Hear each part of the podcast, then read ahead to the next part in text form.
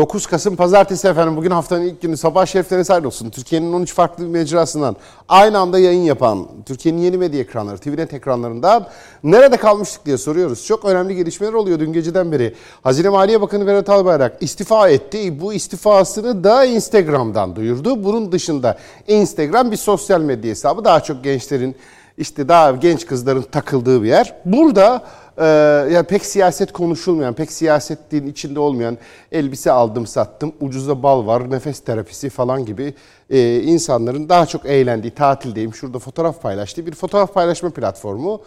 Buradan istifasını duyurdu bir kendi yazdığı metinle. Onu duyurduktan sonra bir daha da hiçbir ses çıkmadı. Ne hükümet kanadından ne Berat Albayrak'ın kendisinden hiçbir yerden hiçbir açıklama gelmedi. Elimizdeki tek bilgi Berat Albayrak Instagram'dan istifa ettiğini duyurdu. Daha sonra herkes şunu tartışmaya başladı. İlk konu şuydu bütün Türkiye'de. Bir, acaba bu istifayı Cumhurbaşkanı Recep Tayyip Erdoğan kabul edecek mi etmeyecek mi diye bekledik. Herkes bekledi. Ya bu belki kabul edilmeyebilir değil mi? Hani öyle bir ihtimal var. Yok kesin mi? Yerine kim gelir? Yani belki gitmeyecek, gelecek mi, kalacak mı? Bu Instagram daha öncesinde ya sosyal medya Twitter'da kapanmış. Ee, sadece Instagram'dan da açıklama ve başka hiçbir açıklama yok. Ne basın temsilcisinden, ne sözcülerinden, ne bakanlıktan, ne hükümetten hiçbir yerden bir açıklama gelmeyince dedik ki ama bir dakika bir dakika bir dakika dur dur. Bu gerçek olmayabilir denildi. Neden? E, hacklenmiş olabilir hesaplar. Hani ele geçirilmiş olabilir. Ya Instagram'da da Twitter'da da hesap mavi tik mavi tikli hesaplar ele geçirilemez mi? Yani hani, hani dünyada öyle bir şey yok. Hacklenmeyecek, ele geçirilmeyecek bir şey yok bilgisayar dünyasında ama hani mavi tikli olduğu için, onaylı olduğu için hemen yani genel merkezler kolaylıkla devreye giriyorlar. Bir de burada söz ettiğimiz kişi Türkiye Cumhuriyeti Devleti'nin Hazine Maliye Bakanı. Hani sıradan birisi de değil ki bir devlet yani hani hemen müdahale edilir, hemen çözülür. Facebook aranır, Twitter aranır. Bu iş 5 dakika, 5 saniye sürmez bunun bitmesi, düzeltilmesi ama hani acaba eklendi mi yani başka bir yerden bir şey yok, açıklama yok diye. Sonra bakıldı ki yok bir hackleme mekleme yok. Gerçekten Berat Albayrak'ın hesabı ve gerçekten Berat Albayrak'ın kendi açıklaması o. E şimdi şartlar böyle olunca herkes merak etmeye başladı. Akşamın bir saati, ertesi gün pazartesi, işte biraz sonra piyasalar açılacak. Tam biraz sonra pazartesi günü haftanın ilk günü piyasaların açılacağı bir zamanda bir hükümetin Hazine Maliye Bakanı gittim ben diyor bunlar böyle çok alışık olmadığımız şeylerdi. Ya acaba hacklendi mi'den sonra belki Cumhurbaşkanı Erdoğan kabul edecek etmeyecek mi denildi. Sonra tabii doğal olarak ne oldu? Bu yani sadece Instagram'dan açıklama yapılık ondan sonra da başka hiçbir yerden açıklama yapılmaması havayı puslandırdı, bulandırdı. Dedikoducular bir yayıldılar ortalığa. Neler neler anlatıyorlar. Herkes bir efsane anlattı. Tam olarak ne oldu? İşte herkes kendi durduğu yerden Herkes kendi planını, kendi hesabını açık etmeye başladı. İşte buradan ben de güçlüyüm pozları. Kimisi işte bir bakıyorsunuz Bülent Arınç'ın adının geçtiği dedikodular yayılıyor. Belli ki Bülent Arınç kendi propagandasını yapmaya çalışıyor. Bir bakıyorsunuz böyle yeni kabine geliyor falan diye bir liste yayınlanıyor.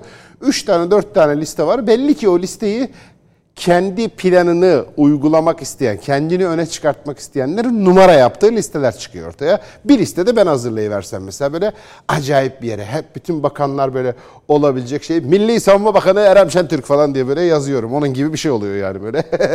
böyle bir tuhaf. Belli ki yani sen kendi adını oraya yazdırmak için liste yapmışsın. Uyanık diye görüyoruz yani hemen hemen görünüyor, hemen belli oluyor. Yalan dolan uydurma kabine listeleri. Böyle bir anla başladı gece. Sonra gözümüz kulağımız bir açıklama gelir mi? Yani en azından evet Berat Albayrak istifa etti. Berat Albayrak'ın istifasından sonra da şu şu şu arkadaşlar Türkiye Cumhuriyeti Hazine Maliye Bakanlığı görevine devam edecektir. Şu insan gelecektir. Ya tamam demek ki bundan sonra böyle olacak diye böyle bir şey diyebilirdik ama öyle bir açıklama gelmedi. Yani şu an itibariyle hala hazırda Türkiye Cumhuriyeti'nin Hazine Maliye Bakanı Berat Albayrak mı? O istifa kabul edildi mi, edilmedi mi? Yerine başka biri var mı? Kim düşünülüyor? Buna dair elde hiçbir bilgi yok. Kimsenin elinde bir bilgi yok e, bir, elinde bilgi varmış gibi konuşanlar, numara yapanlar aslında kendi hesaplarını üzerinden konuşuyorlar. Bu da önemli bir mesele. Herkesin kafasında bir hesabı var. Bu siyaset bir tuhaf bir şeydir, tuhaf bir yerdir. Orada herkes kendini bakan hayal eder, herkes kendini e, cumhurbaşkanı hayal eder. Ben niye olmayayım yani? Ben de istiyorum cumhurbaşkanı olmak yani. Ne olur ki diye böyle ben hepsinden daha iyi yaparım diye bir sürü adam var Ankara'da böyle dolaşan. Çok var. Yani öyle 5-10'dan bahsetmiyoruz. Sayıları çok fazla. Hepsinin yanlarında ikişer üçer tane de adam vardır. Aslında başkanım var ya siz olacaksınız falan diye dolaşan. Hepsinin bir 5-10 tane Twitter hesabı vardır. İşte böyle adamları, troll deniyor onlara ya da işte sosyal medya uzmanı. Sosyal medya işlerimizi bu arkadaşımız bakıyor falan diyor öyle tipler var. Başkanım 12 bin RT aldı halk sizi destekliyor falan diye dolaşan adamlar var. İşte onları böyle saydığınızda bayağı bir güruh yani bayağı bir büyük bir kalabalık var. O büyük kalabalık dün akşamdan beri havanın bulanıklığı ve pusluğuyla memleketi karıştırıyorlar. Bugün öğleden sonra bir açıklama, ondan sonra açıklamadan sonra meselelerin netleşmesi, netleşince kişilerin netleşmesini bekliyoruz. Her ayrıntıyı oldukça dedikodu olmadan, işte birilerinin siyasi hesabı olmadan o gelsin bu gitsin bundan sonra küreselci ekonomi yok bilmem ne ekonomi şudur budur falan filan dedikodularına hiç bulaşmadan olan neyse onu anlatacağız. Ve en önemli eleştirilerden biri de dün medyaydı bu meseleyle ilgili haklı olarak. Ya bütün dünya bunu son dakika veriyor. Türk medyası bu haberi yayınlamıyor. Evet yayınlanmalıydı haber olarak sadece bu kadarı işte böyle böyle Instagram'da duyurdu. Başka da bir gelişme yok denilmeliydi ama onun ötesinde bir şey söyle. Neden? Çünkü medyadan insanlar böyle sosyal medyadaki troll aksiyonu bekliyorlar. İyi de neyi yayınlayacağız ki? Instagram'dan istifa var. Bitti gitti bu kadar. Başka? Öbürü dedikodu işte. Dedikodu mu yayınlayalım? Twitter trollü müyüz? Haberciler olarak. Yani sosyal medyada troll değiliz ki o da bunu dedi, bu da bunu dedi, şu da şunu dedi falan diye böyle vur dedikodunun dibine. Olmaz. Bu bir sorumluluk meselesidir. O yüzden yayınlanmadı bazı haberler. Ama hiç yayınlamamak, yokmuş gibi davranmak da büyük hata. Olur mu? Gözümüzün önünde oluyor işte orada bak. Instagram'dan istifa etmiş bu devletin Hazine Maliye Bakanı. Bu bir haberdir. Bu kadarı bu haliyle bu şekilde söylenmelidir. Sonrası, valla sonrasını kimse bilmiyor ki. Sonrası ile ilgili kimle konuşuyorsa uyduruyor. O yüzden uydurmamak lazım. Önemliydi bu. Peki dün işte bütün bunların e, gözümüzü diktiğimiz bütün açıklamalar var. Acaba ne diyecek, ne söylenecek dediğimizde aslında kim? Cumhurbaşkanlığı makamı hükümet sisteminden dolayı. Cumhurbaşkanlığı da dün e, Cumhurbaşkanı Recep Tayyip Erdoğan dün bir konuşma yaptı. Önemli bir konuşmaydı. Nerede yaptı? 7. Kocaeli 7. Olağan İl Kongresi'nde. Bir taraftan çünkü AK Parti kongre sürecinde ya o kongre sürecinden dolayı da Cumhurbaşkanı Erdoğan e, illerin kongrelerinde konuşuyor. Dün işte Kocaeli'nin il kongresi vardı. Yedincisi gerçekleşti. Orada bir konuşma yaptı. Orada gerçekten çok önemli başlıkları vardı Cumhurbaşkanı Erdoğan'ın. Azerbaycan'la ilgili konuştu. Kardeşlerimizin hep yanındayız dedi e, bunu anlattı. E, CHP'ye sert sözlerle yüklendi. İzmir depremi CHP'nin enkazı altında kaldı. Bir depremdir dedi Cumhurbaşkanı Erdoğan. Şimdi önce onu bir bakalım devam edeceğiz. Adım adım işgal altındaki şehirlerini ve Karabağ özgürlüğüne kavuşturan Azerbaycanlı kardeşlerimizin sevinci bizim de sevincimizdir. Azerbaycan'ın sevincini paylaştı, Şuşa zaferini tebrik etti. Cumhurbaşkanı Erdoğan, AK Parti'nin Kocaeli 7. olan il kongresinde konuştu. Gündeminde Azerbaycan'dan gelen güzel haberler vardı. Konuşmasına Şuşa zaferini kutlayarak başladı. Bu başarı yeni zaferlerin habercisi dedi. Kardeşim İlham Aliyev başta olmak üzere tüm Azerbaycanlı kardeşlerimizi şahsım, ailem, milletim adına tebrik ediyorum. Ardından da sözü depremle sarsılan İzmir'e getirdi. Hasar tespit çalışmalarının salı günü biteceğini, konutlarında bir yıl içerisinde tamamlanacağını söyledi. Yıkılan veya yıkılacak durumda olan binalardan eşyalarını alamayan vatandaşlarımıza 30'ar bin lira nakdi yardımda bulunuyoruz. Taşınan ev sahiplerine 13 bin lira, kiracılara 5 bin lira nakdi yardım yapılıyor. Orta hasarlı binalarda da ev sahiplerine 5 bin, kiracılara 2500 lira yardım veriliyor. Esnaflarımıza da 2500 lira kira yardımı yapılıyor. Ayrıca iş yeri yıkılan veya ağır hasar gören deniz taşması sebebiyle sular altında kalan esnaflarımıza 50 bin liraya kadar hibe desteği veriliyor. Depremden zarar gören esnaf ve sanatkarların Halkbank kredi ödemeleri de faizsiz olarak bir yıl erteleniyor. Erdoğan, yıkılan evlere ruhsat veren CHP'li İzmir Büyükşehir Belediyesi'ne tepki gösterdi. İzmir depremi aynı zamanda CHP'nin enkaz altında kaldığı bir depremdir. Şu anda İzmir'in Kahir ekseriyetinde başta büyük şehir olmak üzere on yıllardır CHP belediyeleri yok mu? Bunların bütün inşasıyla alakalı adımlarını müsaade etmediniz mi? Ruhsatlarını siz vermediniz mi? Sulak arazilere inşa müsaadesi veren siz değil misiniz?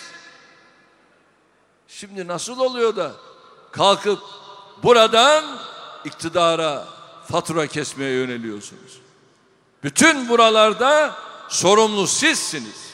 Kocaeli'de katıldığı toplu açılış töreninde ise batılı ülkelerde tırmanan İslam karşıtlığına tepki gösterdi. Geldiğimiz noktada mazlum ve mağdurların canı, kanı, malı üzerine inşa edilen refah düzeni çadırdamaktadır. Batılı ülkeleri özellikle girdikleri bu çıkmazdan son dönemde sarıldıkları İslam ve yabancı düşmanlığı da kurtaramayacaktır. Bu asır Türkiye'nin yıldızının daha da parladığı bir asır olacaktır. Törende açılışı yapılan 3 milyar liralık 155 kalem yatırımda vatandaşların hizmetine sunuldu.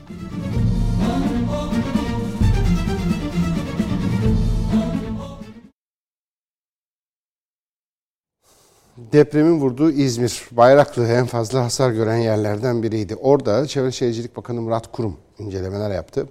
Ya orada sessizlik çok etkileyici Bayraklı'da şu anda o yıkıntılar, o enkaz var orada. Ee, ge- depremzedelerin geriye bıraktığı eşyalar var. Bir çok istiyorum görün onları böyle. Ee, Murat Kurum işte orada incelemeler yaptı. O incelemelerden sonra zaten Cumhurbaşkanı Recep Tayyip Erdoğan bir ay içinde başlanacak 2021 yılı bitmeden de evler teslim edilecek demişti. Şimdi işte Murat Kurum da bütün o planları tam da Cumhurbaşkanı Erdoğan söylediği gibi bir ay içinde hemen inşaata başlanıp bir yıl dolmadan da dolmadan da o evlerin teslim edilmesi için gerekli çalışmaları yürüttü orada Çevre Şehircilik Bakanı Murat Kurum. İzmir'de yaşanan 6,6'lık depremin ardından yaralar sarılmaya çalışılıyor. Kentte depremin en çok etkilediği ilçe olan Bayraklı'da hasar tespit çalışmaları tamamlandı. Çevre ve Şehircilik Bakanı Murat Kurum, enkaz alanlarında incelemelerde bulundu. Hasar tespit çalışmalarımızda sona doğru gelmiş bulunmaktayız. Bayraklı ilçemizin tamamındaki hasar tespit çalışmalarını tamamladık ve tüm İzmir genelinde e, 75.934 binada 411 bin bağımsız bölümün incelemesi yapıldı. Yıkılan binası olan her vatandaşımıza 7 bölge belirledik. Bu 7 bölgedeki e, vatandaşlarımıza en az e, bir tane daire verecek şekliyle Depremin maddi zararı giderilebiliyor. Ancak kayıplar unutulacak gibi değil. Zira ilçede hizmet veren kuru temizlemecinin anlattıkları yürekleri parçalayacak cinsten. Ya e, yardım kurumlarına başlayacağız e, ya çadırlara başlayacağız. E, bir şekilde e, yol çizeceğiz artık. Depremin ardından 17 kişiye mezar olan Doğanlar Apartmanı ise sessizliğe büründü. Apartman görevlisi Mustafa Turbaş, o gün şahit olduğu acı olayları anlattı. Bayram amcalar hariç, iki kişi hariç diğerlerinin hepsini tesis ettim. Yani bayram doğruya vardı. Onlar bu taraftan çıktılar. Öte yandan depreme ait yeni bir görüntü daha ortaya çıktı. Deprem anında kullanılmayan bir viyadüğün beton blokları metrelerce yükseklikten park halindeki araçların üzerine düşmüştü. O anların görüntüsü depremin büyüklüğünü bir kez daha gözler önüne serdi.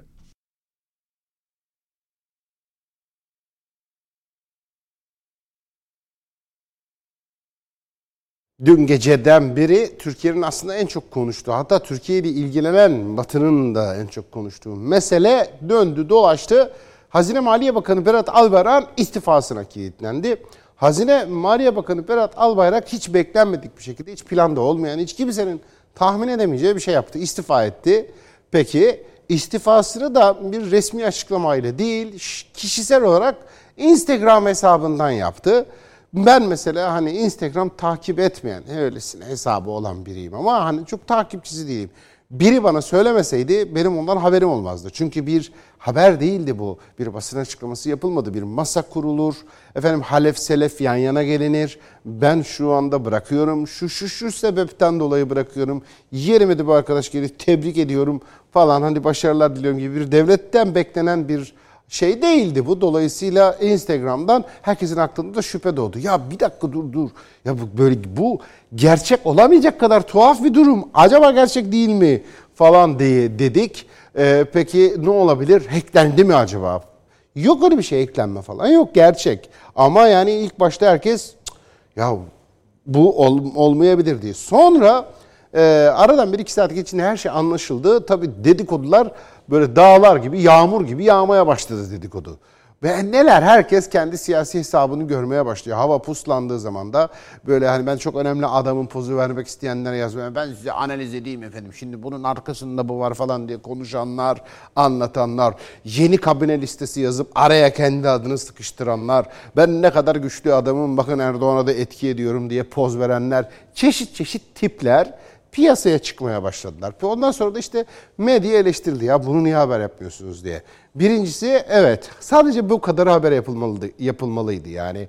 E, mesela şu anda benim yaptığım gibi. Hazine Maliye Bakanı Berat Albayrak Instagram hesabından yaptığı kişisel açıklamaları istifa ettiğini duyurdu. Daha sonrasında ne kendisinden ne bakanlıktan ne hükümetten herhangi bir resmi açıklama gelmedi. İnsanlar ilk başta hacklendiğini düşündü. Haber bitti gitti bu kadar. Bundan sonrası bundan sonrası dedikodu işte. Bundan sonrası numara, bundan sonrası poz. Bundan sonrası kişilerin kendi hayalleri, kendi ajandaları, kendi hesapları, kendi planları. E şimdi onları da haber yapamayız yani. O da o da olmaz. O ne olur ya Bülent Arınç'ın haberlerini mi yapalım burada ya da PKK'lıların yeni planını mı anlatalım burada haber diye ya da FETÖ'cülerin dedikodularını mı anlatalım haber diye. Olmaz ki şimdi yani. Onlar dedikodu. Kimin ne olacağı belli değil. Herhangi bir açıklama yok. Herhangi bir şey yok. Ee, kim gelecek yerine bilmiyoruz. Berat Albayrak neden gitti bilmiyoruz. Gittiği kabul edildi mi onu da bilmiyoruz. E ne zaman yapılacak bu açıklama onu da bilmiyoruz. E, dolayısıyla bu kadar bilinmezin olduğu bir yerde neyin haberini yapacağız? Öbürü o Twitter'da yazanlar troll. Yani adı sanı belli olsa da troll. Dedikodu yazıyor çünkü altı üstü. E şimdi gazeteci dedikodu yazamaz ki. Bir şey söylediğinde ya bak ben diyorum ki Berat Albayrak istifa etti. Yerine de ben geliyorum mesela. İyi de hani delilin ne? Olmaz ki öyle bir şey. O, hani bunu bunu e, dedikodu beklentisi de kitlede de var birazcık.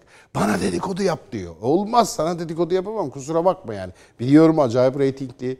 Bende de ne dedikodular var şimdi. Anlatsam o çok eğleniriz burada 45 dakika boyunca da ama dedikodu onlar. Haber değil. Dolayısıyla o medya dediğiniz, gazeteciler dediğiniz de kanallar, gazeteler, televizyon kanalları bir adım geri atlar.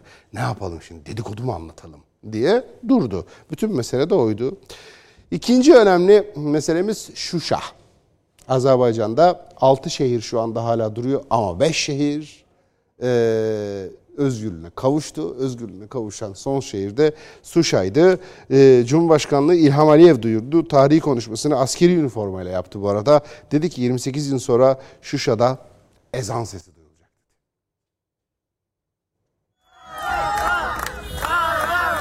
Əziz həmvətənlər, əziz bacılar və qardaşlar, böyük fəxarət və qürur hissi ilə edirəm ki, Şuşa şəhəri işğaldan azad edildi.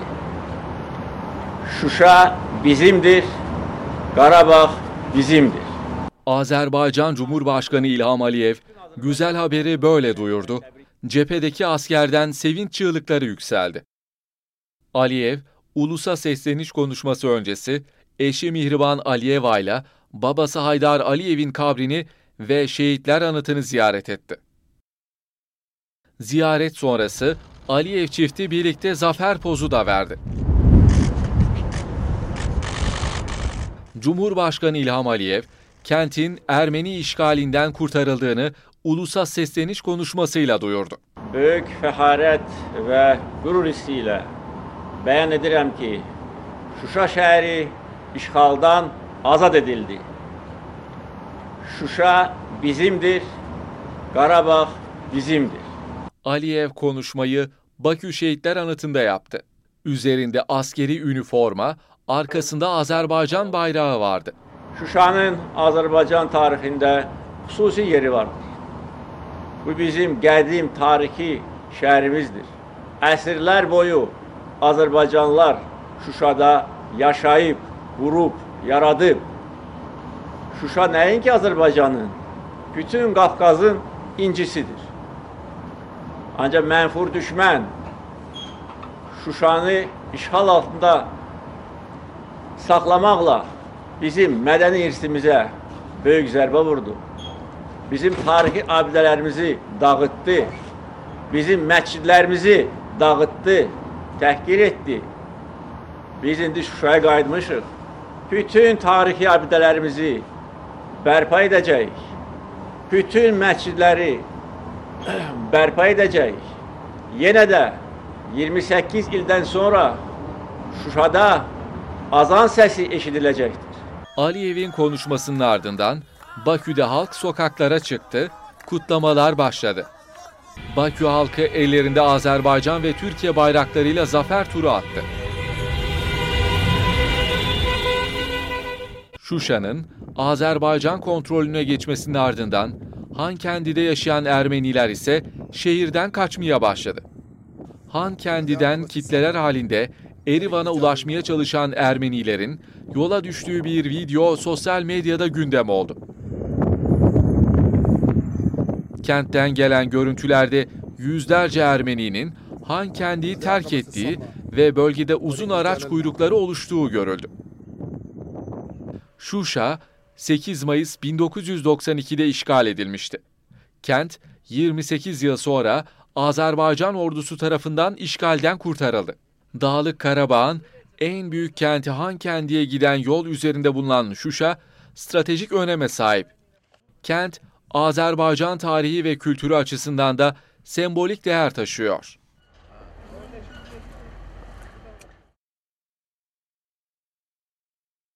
Güzel haber. Şuşa'dan gelen bu haber güzel haber. Biz bir reklam arasına gidelim. Saat başında yeniden huzurlarınızdayız.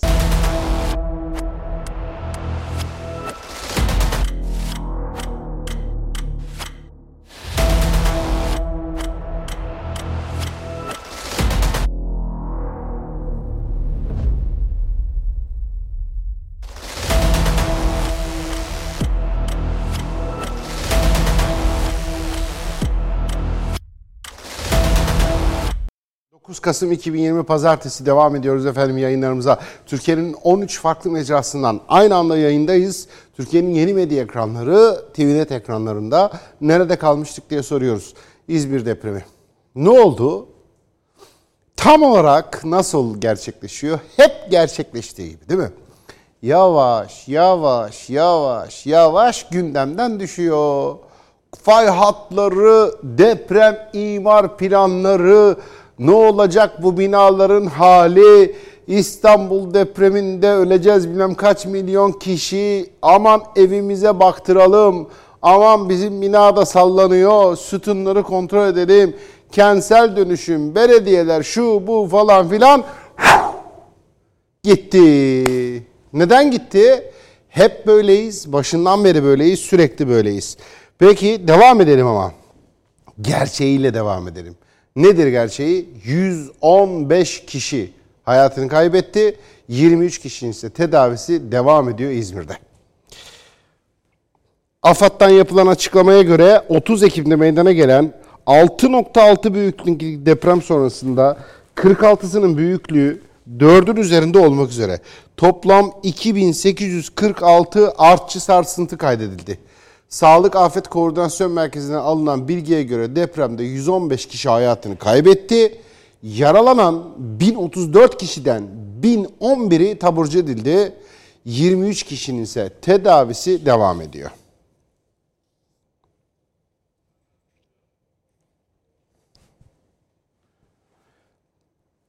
Sağlık Bakanı Fahrettin Koca. İzmir depremi. Sonra yani aslında gerçek gündemlerimiz.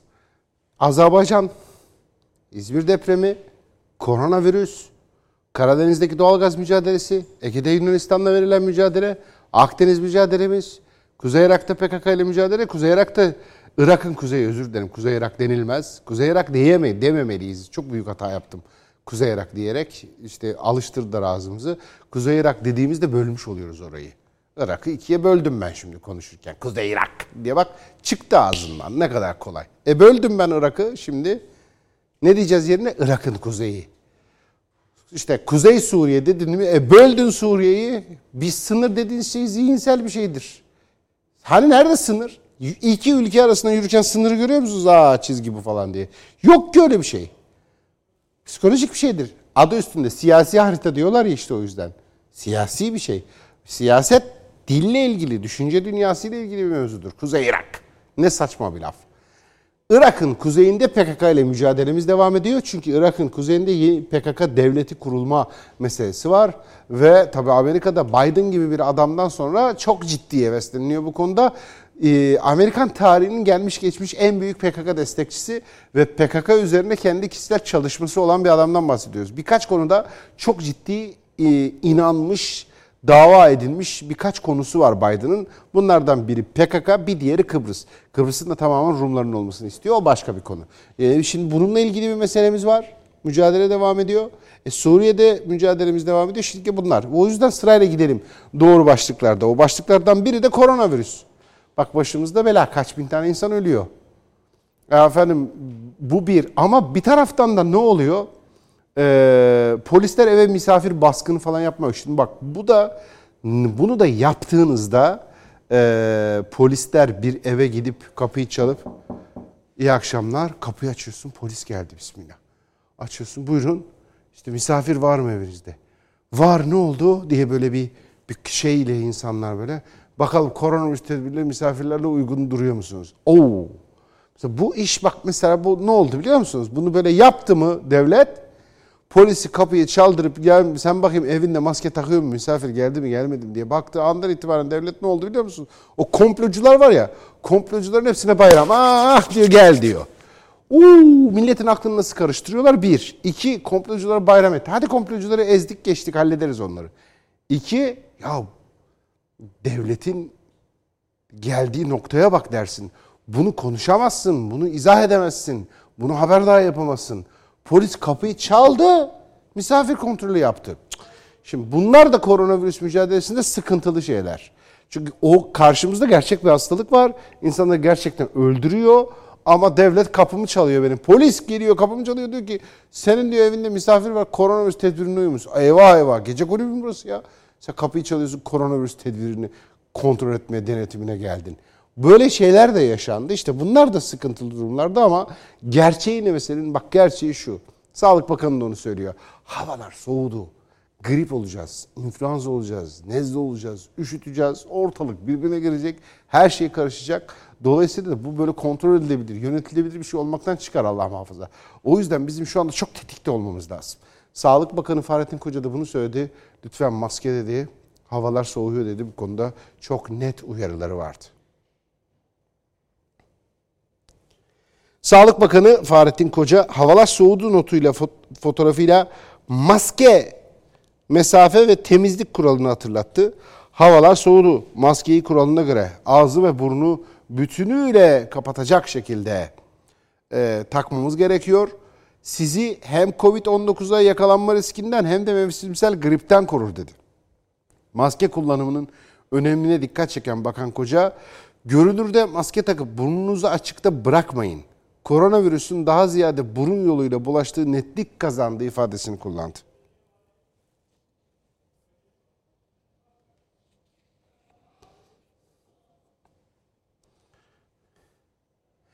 İçişleri Bakanı Fahret, e, İçişleri Bakanı Süleyman Soylu da bir rakam paylaştı. Koronavirüs denetimleriyle ilgili olarak. E, onlar da ne oluyor? O çalışmalarda son durum ne? Onları paylaştı. 42.313 personel görev almış bütün bu koronavirüs denetimlerinde. 12.501 denetim ekibi tarafından gerçekleştirilen denetimlerde 63.058 kalabalık cadde, bulvar ve sokaklar üzerinde bulunan iş yeri kontrol edildi. Alınan tedbirlerde 105 şehir içi ve şehirler arası toplu ulaşım aracı ticari taksi seferlerinden 13 iş yeri ise faaliyetten men edildi. 6412 kişinin maske zorunluluğuna uymadığı tespit edildi. Tedbirlere aykırı hareket edenlere idari para cezası uygulanırken tedbirlere uymadığı tespit edilen 585 kişi de işletme hakkında suç duyurusunda bulunuldu.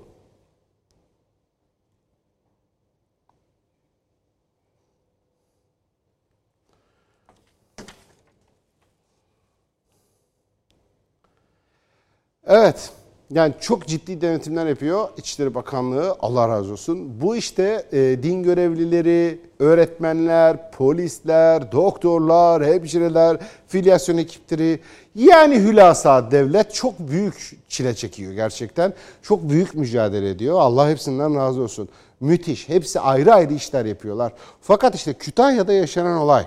Yani polisin gelip kapıyı çalıp eve hadi bakayım maske takıyor musunuz diye içinde. Of Şimdi ya bu çok korkunç bir şey. Polis kapı çalıp Kütahya'da oldu.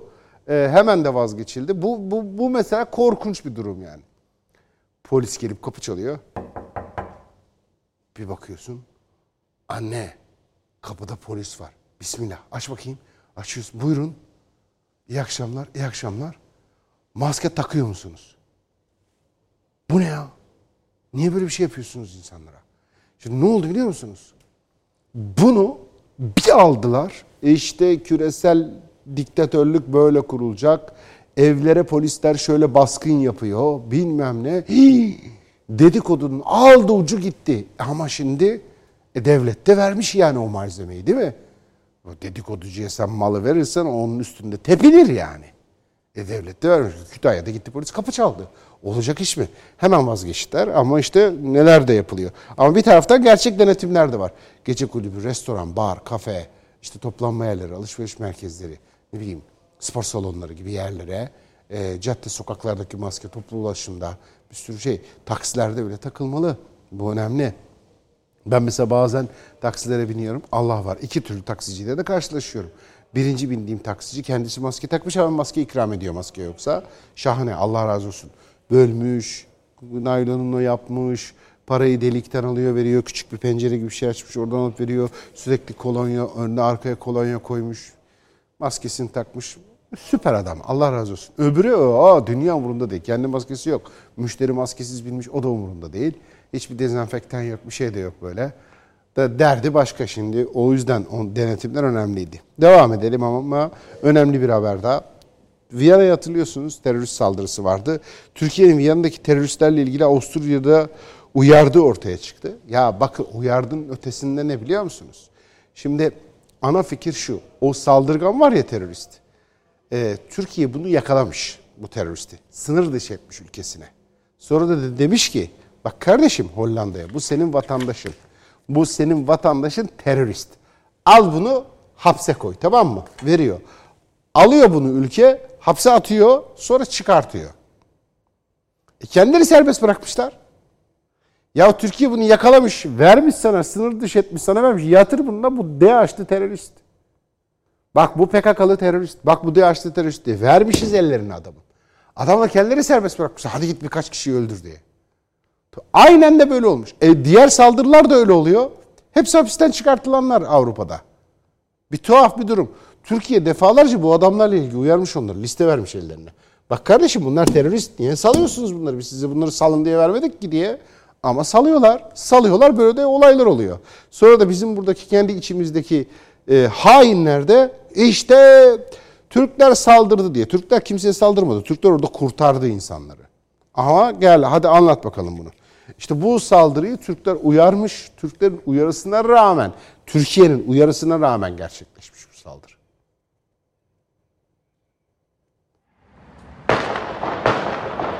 Türkiye Avusturya'yı uyardı. Ancak Viyana yönetimi gerekli tedbirleri almayınca terör saldırısı gerçekleşti.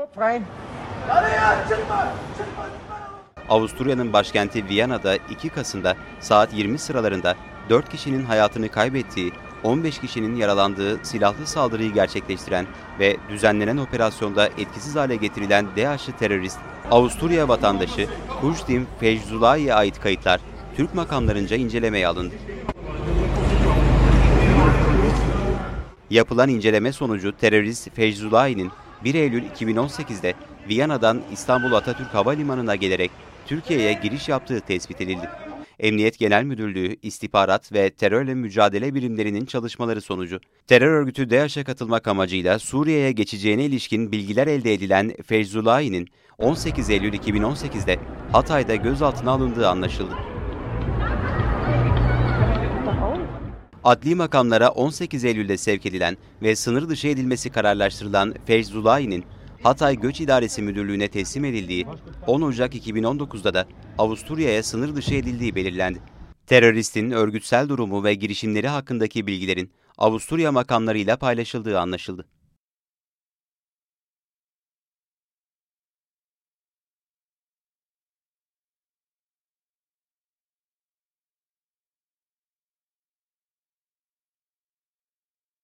Ve 9 Kasım itibariyle gazetelerin birinci sayfalarına bakalım birlikte. Ee, hepimizin aklında bir soru var. Her türlü haber var. Yani Şuşa haberi var, Azerbaycan haberi var, İzmir deprem haberi var. Diğer gazetelerin kendi muhabirlerinin yaptığı özel haberler var. Yani gündem var gazetelerin hepsinde. Soru şu, Berat Albayrak'ın istifa haberi var mı? Gazetelerin birinci sayfasında. Cevap elbette yok. Ee, yanlış. Berat Albayrak'ın istifa ettiği gerçek değil mi? Gerçek. Önümüzde durmuyor mu orada? Duruyor. Niye koymuyoruz? Şu sebeple koymuyoruz. Hani koyma işimizin de bir tanesi var. Ne koyacağız? Hadi vereyim size gazeteyi. Yönettiğim gazeteyi size vereyim. Siz yönetin. Ve yazın bakayım yani. Berat Albayrak istifa etti. Başka? İşte ikinci bir şey bilmiyorsunuz. Yani Berat Albayrak istifa ettiği cümlesinden herkesin gözünün önünde olan gerçek o cümleden sonra ikinci bir cümleyi bilen yok. Bildiğini iddia eden herkes, bak çok net altını söylüyorum. Bila istisna, bildiğini iddia eden herkes ya uyduruyor ya da kendi siyasi hesabında pozisyon alıyordur. İkisinden biri. Çünkü kimse bir şey bilmiyor. Berat Albayrak istifa etti. Herhangi bir açıklama yapmadı. Hükümet de bir açıklama yapmadı. Bir karar açıklanmadı. Ortada herhangi bir şey yok. Dolayısıyla e, ne diyeceğiz sorusunun cevabı yok. Ne olur biliyor musunuz? Dedikodu yazarsınız. E, yazalım mı dedikodu şimdi yani? Bir sürü dedikodu var. Yazalım mı dedikodu? Olmuyor ki işte o gazetecilik o değil. Bir pro- problem şurada. Şundan dolayı eleştirilebilir. Bir başarısızlık varsa medyada ya nasıl olur da sen o bilgiyi alamazsın? Ha bak bu işte haklı eleştiri. Yani eğer vatandaş şöyle eleştirirse medyayı niye yazmıyorsun? Ya ne yazmıyorsun cevabı var. Eleştirecek bir şey diyor. Yazacak bir şey yok. Dedikodu olur yazarsan. Bu cevabı bu. İkinci cevap soru şu gelirse eğer şimdi burada haklı olur. Ya sen nasıl gazetecisin ya? Alamıyor musun o bilgiyi? Öğrenemiyor musun? Tamam bak bu işte gazetecilik başarısızlığı. Bu eleştirilebilir. Ve gözümüz kulağımız kimde? Hani şu haberi Reuters'e konuşan bir geveze Türk yetkilisi var ya. Adını vermek istemeyen ama Reuters'e bilgi veren Türk yetkilisine göre falan diye. Böyle bir geveze var. O gevezeyi bilmiyorum onun kim olduğunu. Var. 60 senedir var o geveze. İlk, ilk at- bundan 60 yıl önce Reuters, Reuters'e konuşmaya başlamış. Ee, 60 yıl önce adını vermek istemeyen bir Türk yetkili de haber yapmışlar. O gün bugündür 60 senedir konuşuyor geveze kimse. Onun bir daha konuşması lazım Reuters'te ki ne olduğunu öğrenelim. Yoksa kimse bir şey bilmiyor. O yüzden ona bakamıyoruz. Devam edelim. Yeni Şafak gazetesiyle başlayalım. Yeni Şafak gazetesinin birinci sayfasında bugün manşet Şuşa'da zafer yürüyüşü diye geçiyor manşet. Evet tam olarak alındı mı? İşte birazcık Ermeniler şu anda açıklama yapıyor Ermenistan tarafı. Hayır almadılar. Azerbaycan diyor aldık diyor. İşte onu ortalayan bir cümleyle çıkmış Yeni Şafak gazetesi. Şuşa'da zafer yürüyüşü olarak görmüş haberi. Kafkasya'nın incisi Azerbaycan'ın aziz şehri Şuşa 28 yıl sonra Ermenistan işgalinden kurtarıldı. Karabağ'daki büyük zaferi duyuran Cumhurbaşkanı İlham Aliyev Şuşa'yı kurtardık. 28 yıl sonra Şuşa'da ezan sesi duyulacak dedi. Bu müjdenin ardından Azerbaycan'da halk kutlama için sokaklara döküldü. Şimdi bu kutlama için sokaklara döküldüğü bir görüntü var. Azerbaycanlı gençler bir şehit annesini yolda görüp ayaklarını öpüyorlar. Hemen yere yatıp kadının ayaklarını öpüyorlar böyle. Çünkü diyorlar ki affet bizi anne zafer sevincindeyiz ama senin hüznünü de biliyoruz deyip bir Azerbaycan şehit askerin annesinin ayaklarını öptükleri görüntü vardı. Ee, şu ana kadar gördüğüm en iyi zafer kutlamalarından biriydi. Ee, zaferi kutlayan diğer gençler bir şehit annesinin ayağını öpüyorlardı. Çok iyi. Türkiye'nin yıldızı daha da parlayacak diyor Cumhurbaşkanı Erdoğan sürmanşette. Cumhurbaşkanı Erdoğan Türkiye'nin koronavirüs salgını sürecinden ekonomik, siyasi, askeri ve diplomatik olarak çok daha güçlü şekilde çıkacağını belirterek bu asır Türkiye'nin yıldızının daha da parladığı bir asır olacak dedi ve İslam düşmanlığı kurtaramaz diyor e, bu şeyleri. Şimdi bir haber var. Üçüncü kez özür dileyecek diye bir haber. Hemen e, birinci sayfanın en altında Biden, ABD'nin yeni başkanı Joe Biden, Obama döneminde başkan yardımcısıyken Türkiye'den iki kez özür dilemek zorunda kaldı. Şimdi üçüncü özür bekleniyor. Ne oldu? İlk özür Ekim 2014'te Türkiye'nin Suriye'de El-Kaide'yi finans desteği sağladığı iftirasından sonra geldi. ABD'nin 15 Temmuz'daki sessizliği FETÖ'ye destek anlamına geldiği için Biden bir an sonra bir ay sonra Türkiye'ye geldiğinde özür dilemek istiyorum. Keşke daha erken buraya gelebilseydim dedi. Adaylık döneminde Erdoğan'ın seçimlerini devirmekten söz eden Biden şimdi de, şimdi yeni bir özür bekleniyor diyor. Şimdi Biden'la ilgili olarak beni ilgilendiren önemli taraflardan biri de şuydu hatırlarsınız. Cumhuriyet Halk Partisi Genel Başkanı Sayın Kemal Kılıçdaroğlu Biden'ı tebrik etti. Peki et. Tamam. Ee, ana muhalefet partisin Biden'ı tebrik edebilirsin. Herkesten önce etti. Bu birinci meseleydi benim için. Tamam hadi onu da şey yaptık. Kibarlıkta yarışıyor, nezakette yarışıyor, hızlı hareket ediyor. Peki ama mesele ne biliyor musunuz? Ersin Tatar'ı niye tebrik etmedi? Nezakette bu kadar, kibarlıkta bu kadar hızlı yarışan Kemal Kılıçdaroğlu, Ersin Tatar da Cumhurbaşkanı seçildi. Kıbrıs'ın Amerika'yı devlet ülke yerine koyuyorsunuz daha. Kıbrıs'ı mı ülke yerine koymuyorsunuz? Joe Biden'ı adam yerine koyuyorsunuz da Ersin Tatar'ı mı adam yerine koymuyorsunuz? Madem bu kadar naziksiniz, e, Joe Biden'ın nezaket yapıyorsunuz da Ersin Tatar'a mı nezaket yapmıyorsunuz? Ben oraya takılmıştım yani. Sabah gazetesiyle devam edelim. Bakalım birinci sayfasına. Karabağ'ın kalbi Şuşa artık özgür diyor. Azerbaycan ordusunun şanlı zafer Karabağ'ın incisi Şuşa kenti 28 yıl sonra Ermeni işgalinden kurtarıldı. Bir notlarım var bu Ermeni işgaliyle ilgili olarak size o notlarımı paylaşayım ben. Bu e, şimdi sabah saatlerinde almıştık bu notları. Şimdi olay şu efendim. Toplam 120.088 kilometre kareden bahsediyoruz Karabağ bölgesinde. E, şimdiye kadar kurtarılan, işgalden kurtarılan bölge 3600 kilometre kare. Yani 120 bin, o şey özür dilerim 12.088'in 3600 kilometresi kurtarıldı. 12.088 kilometre karedir toplam büyüklüğü Karabağ. Ee, işgal edilen bölgelerin yaklaşık kaçına denk geliyor? %32 mi? %31 mi? Değil mi? %32, 33 belki de. Ona denk geliyor. 215'i 900 yerleşim birimi var. Karabağ'ın tamamında. 900 yerleşim biriminin 215'i kurtarıldı şu ana kadar. O 215'in içinde 5 büyük şehir var. 6 şehir daha bekliyor. Toplamda 11 şehir var Karabağ'da. Bunun 5'i yani en son bu Şuşa ile birlikte 5 şehir tamamen Ermeni işgalinden kurtulmuş oldu. Sırada 6 şehir daha var. Bunlardan önemlisi kimler kurtarıldı şu ana kadar? Cebrail özgürlüğüne kavuştu. Ermeni işgalinden kurtuldu. Fuzuli, Zengilan, Gubadil ve en son Şuşa. Şu ana kadar özgürlüğüne kavuşan şehirler bunlar. Toplamda o 5 şehirle birlikte ne yapıyor biliyor musunuz? 4 de köy ekliyoruz. 217 yerleşim yeri kurtarılmış oldu. Soru şu, buradaki Ermeniler ee, ne yapacaklar? Gidiyorlar. Askerlerin tamamı bölgeyi terk ediyor. Gitmenin ötesinde vatandaş Ermeniler ne yapacaklar? Kalabilirler. Ermenistan'ın Ermeni, şey, Azerbaycan'ın Ermeni asıllı vatandaşları olurlar. Ne var bunda? Hiçbir şey olmaz. Hiç onlar gayet de güzel, rahat hayat yaşarlar. Şu anda Ermenistan vatandaşı olarak yaşadıklarından bile çok daha şey keşke kalsalar yani. Kalsınlar. Çok da güzel hayat yaşarlar. Çok her şey çok güzel olur. İşte Karabağ'ın kalbi diyor şu şeye Sabah gazetesi manşetinde. Doğru da söylüyor. Gerçekten Karabağ'ın kalbi çok da stratejik bir yer. İşte şu şehirle birlikte 5 şehir kurtarılmış oldu. Allah'ın izniyle diğer 6 şehrinde iyi haberler bekliyoruz. Berberoğlu'nun FETÖ mesaisi haberi var Sabah gazetesinde bunu okuyalım mı? MİT tırlarıyla ilgili ihanet görüntülerini Berberoğlu'na kimin sızdırdığına ilişkin yeni gelişme CHP'li eski vekili Mayıs 2015'te çok sayıda FETÖ'cüyle görüştüğü açığa çıktı. Mayıs 2015'te görüştüğü FETÖ'cüler arasında Berberoğlu'na bu görüntüleri sızdıran FETÖ'cü de varmış habere göre. Sabah gazetesinden sonra Hürriyet gazetesinde ümitliyiz. Niye? Berat Albayrak istifa haberini haber olarak görmüş mü acaba diye bakalım.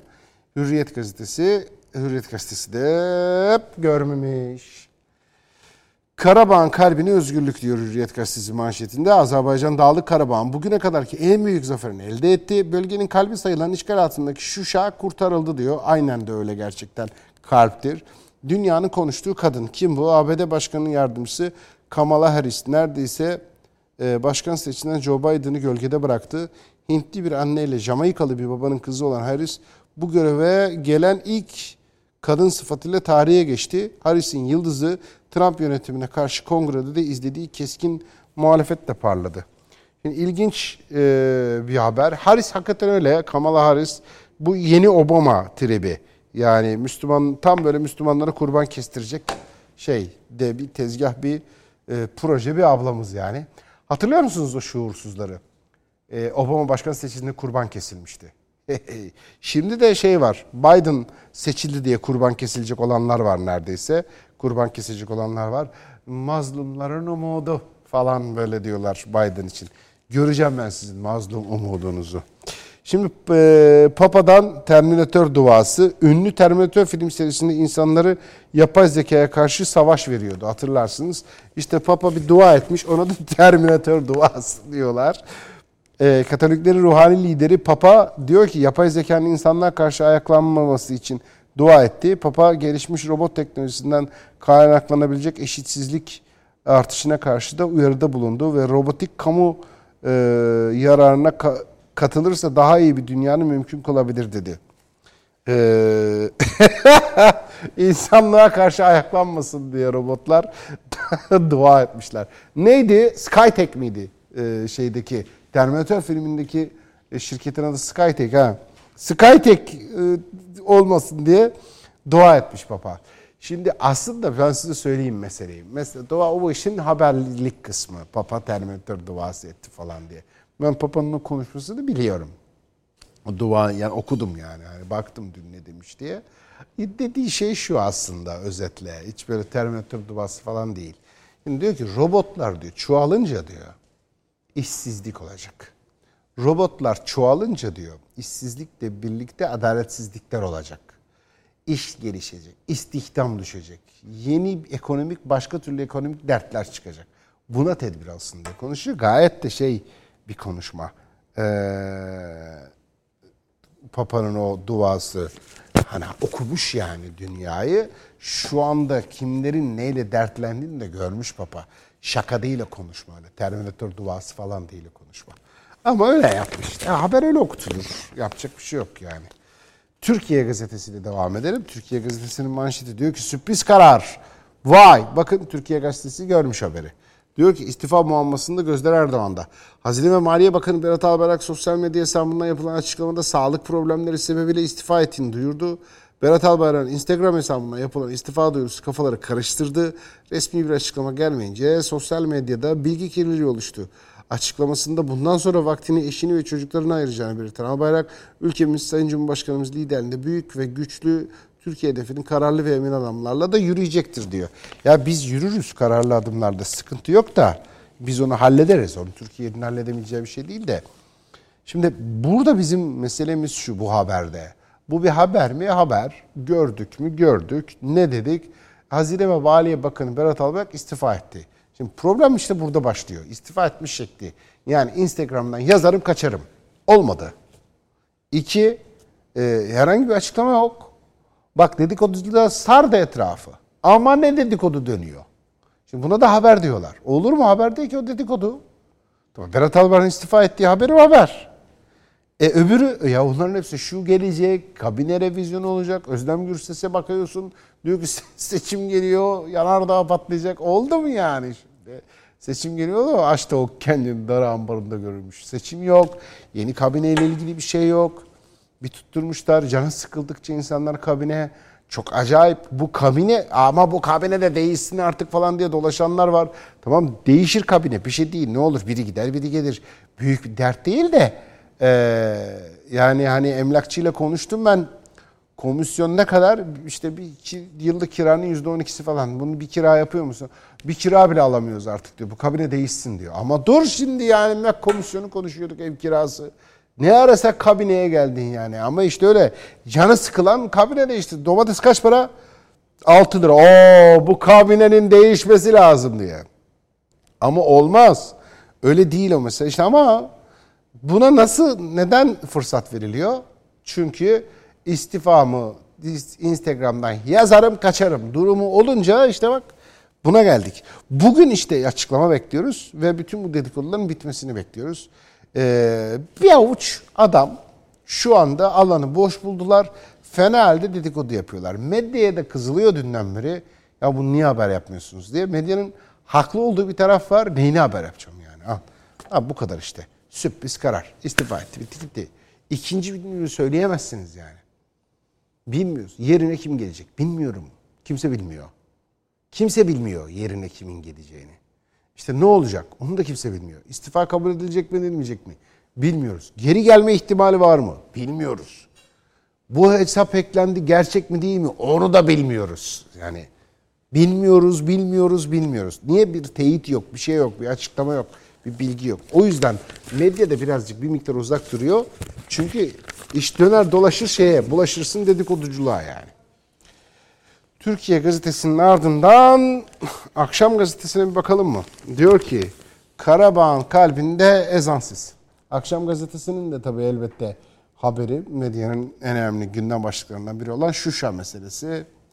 Ee, Ermeni tarafının düşerse Karabağ düşer dediği Şuşa kentinin dün Azerbaycan ordusu tarafından özgürleştirildi diyor son durum. Peki bir bakalım mı biz bu son durum, son durum, son durum ne? Bir tane harita var elimizde. Karabağ cephesinde yaklaşık son durumu bekleyip bir, bir bakalım mı? Hep birlikte. Evet peki. Ee, devam edelim. Bakın Ermenistan'a dönüş konvoyu meselesi var.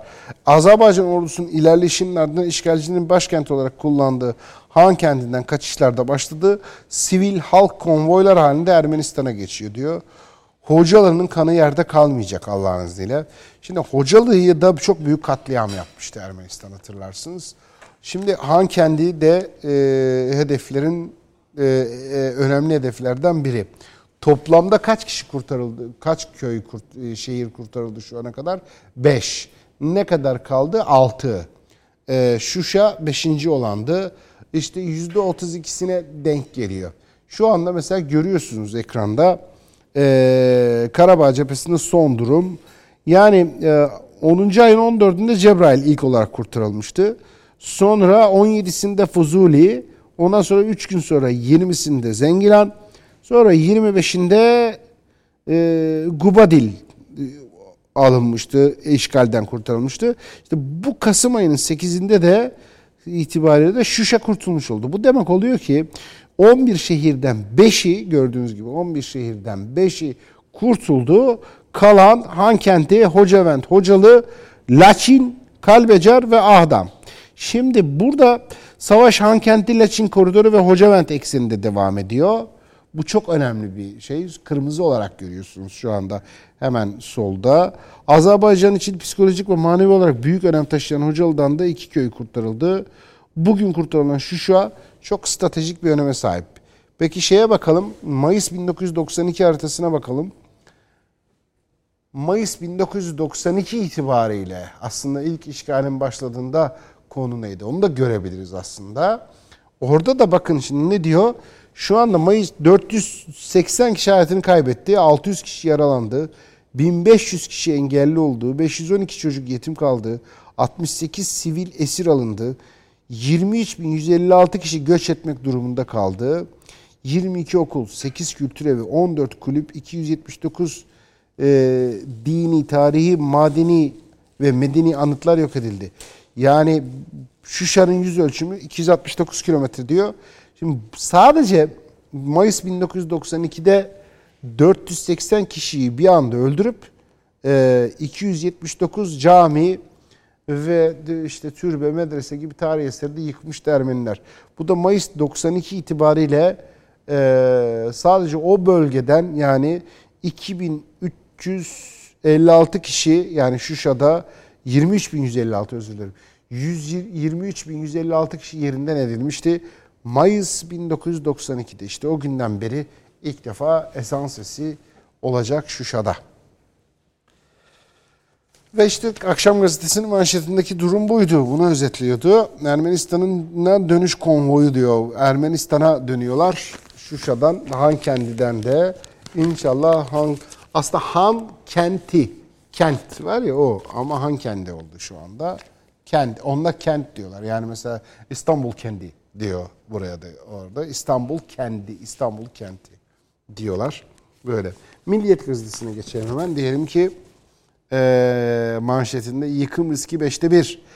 İstanbul'da Avcılar ve Silivri'deki yapı tarama testinde incelenen 500 binanın %20'sinin yıkılma riski barındırdığı ortaya çıktı. Ya 5'te 1 ya.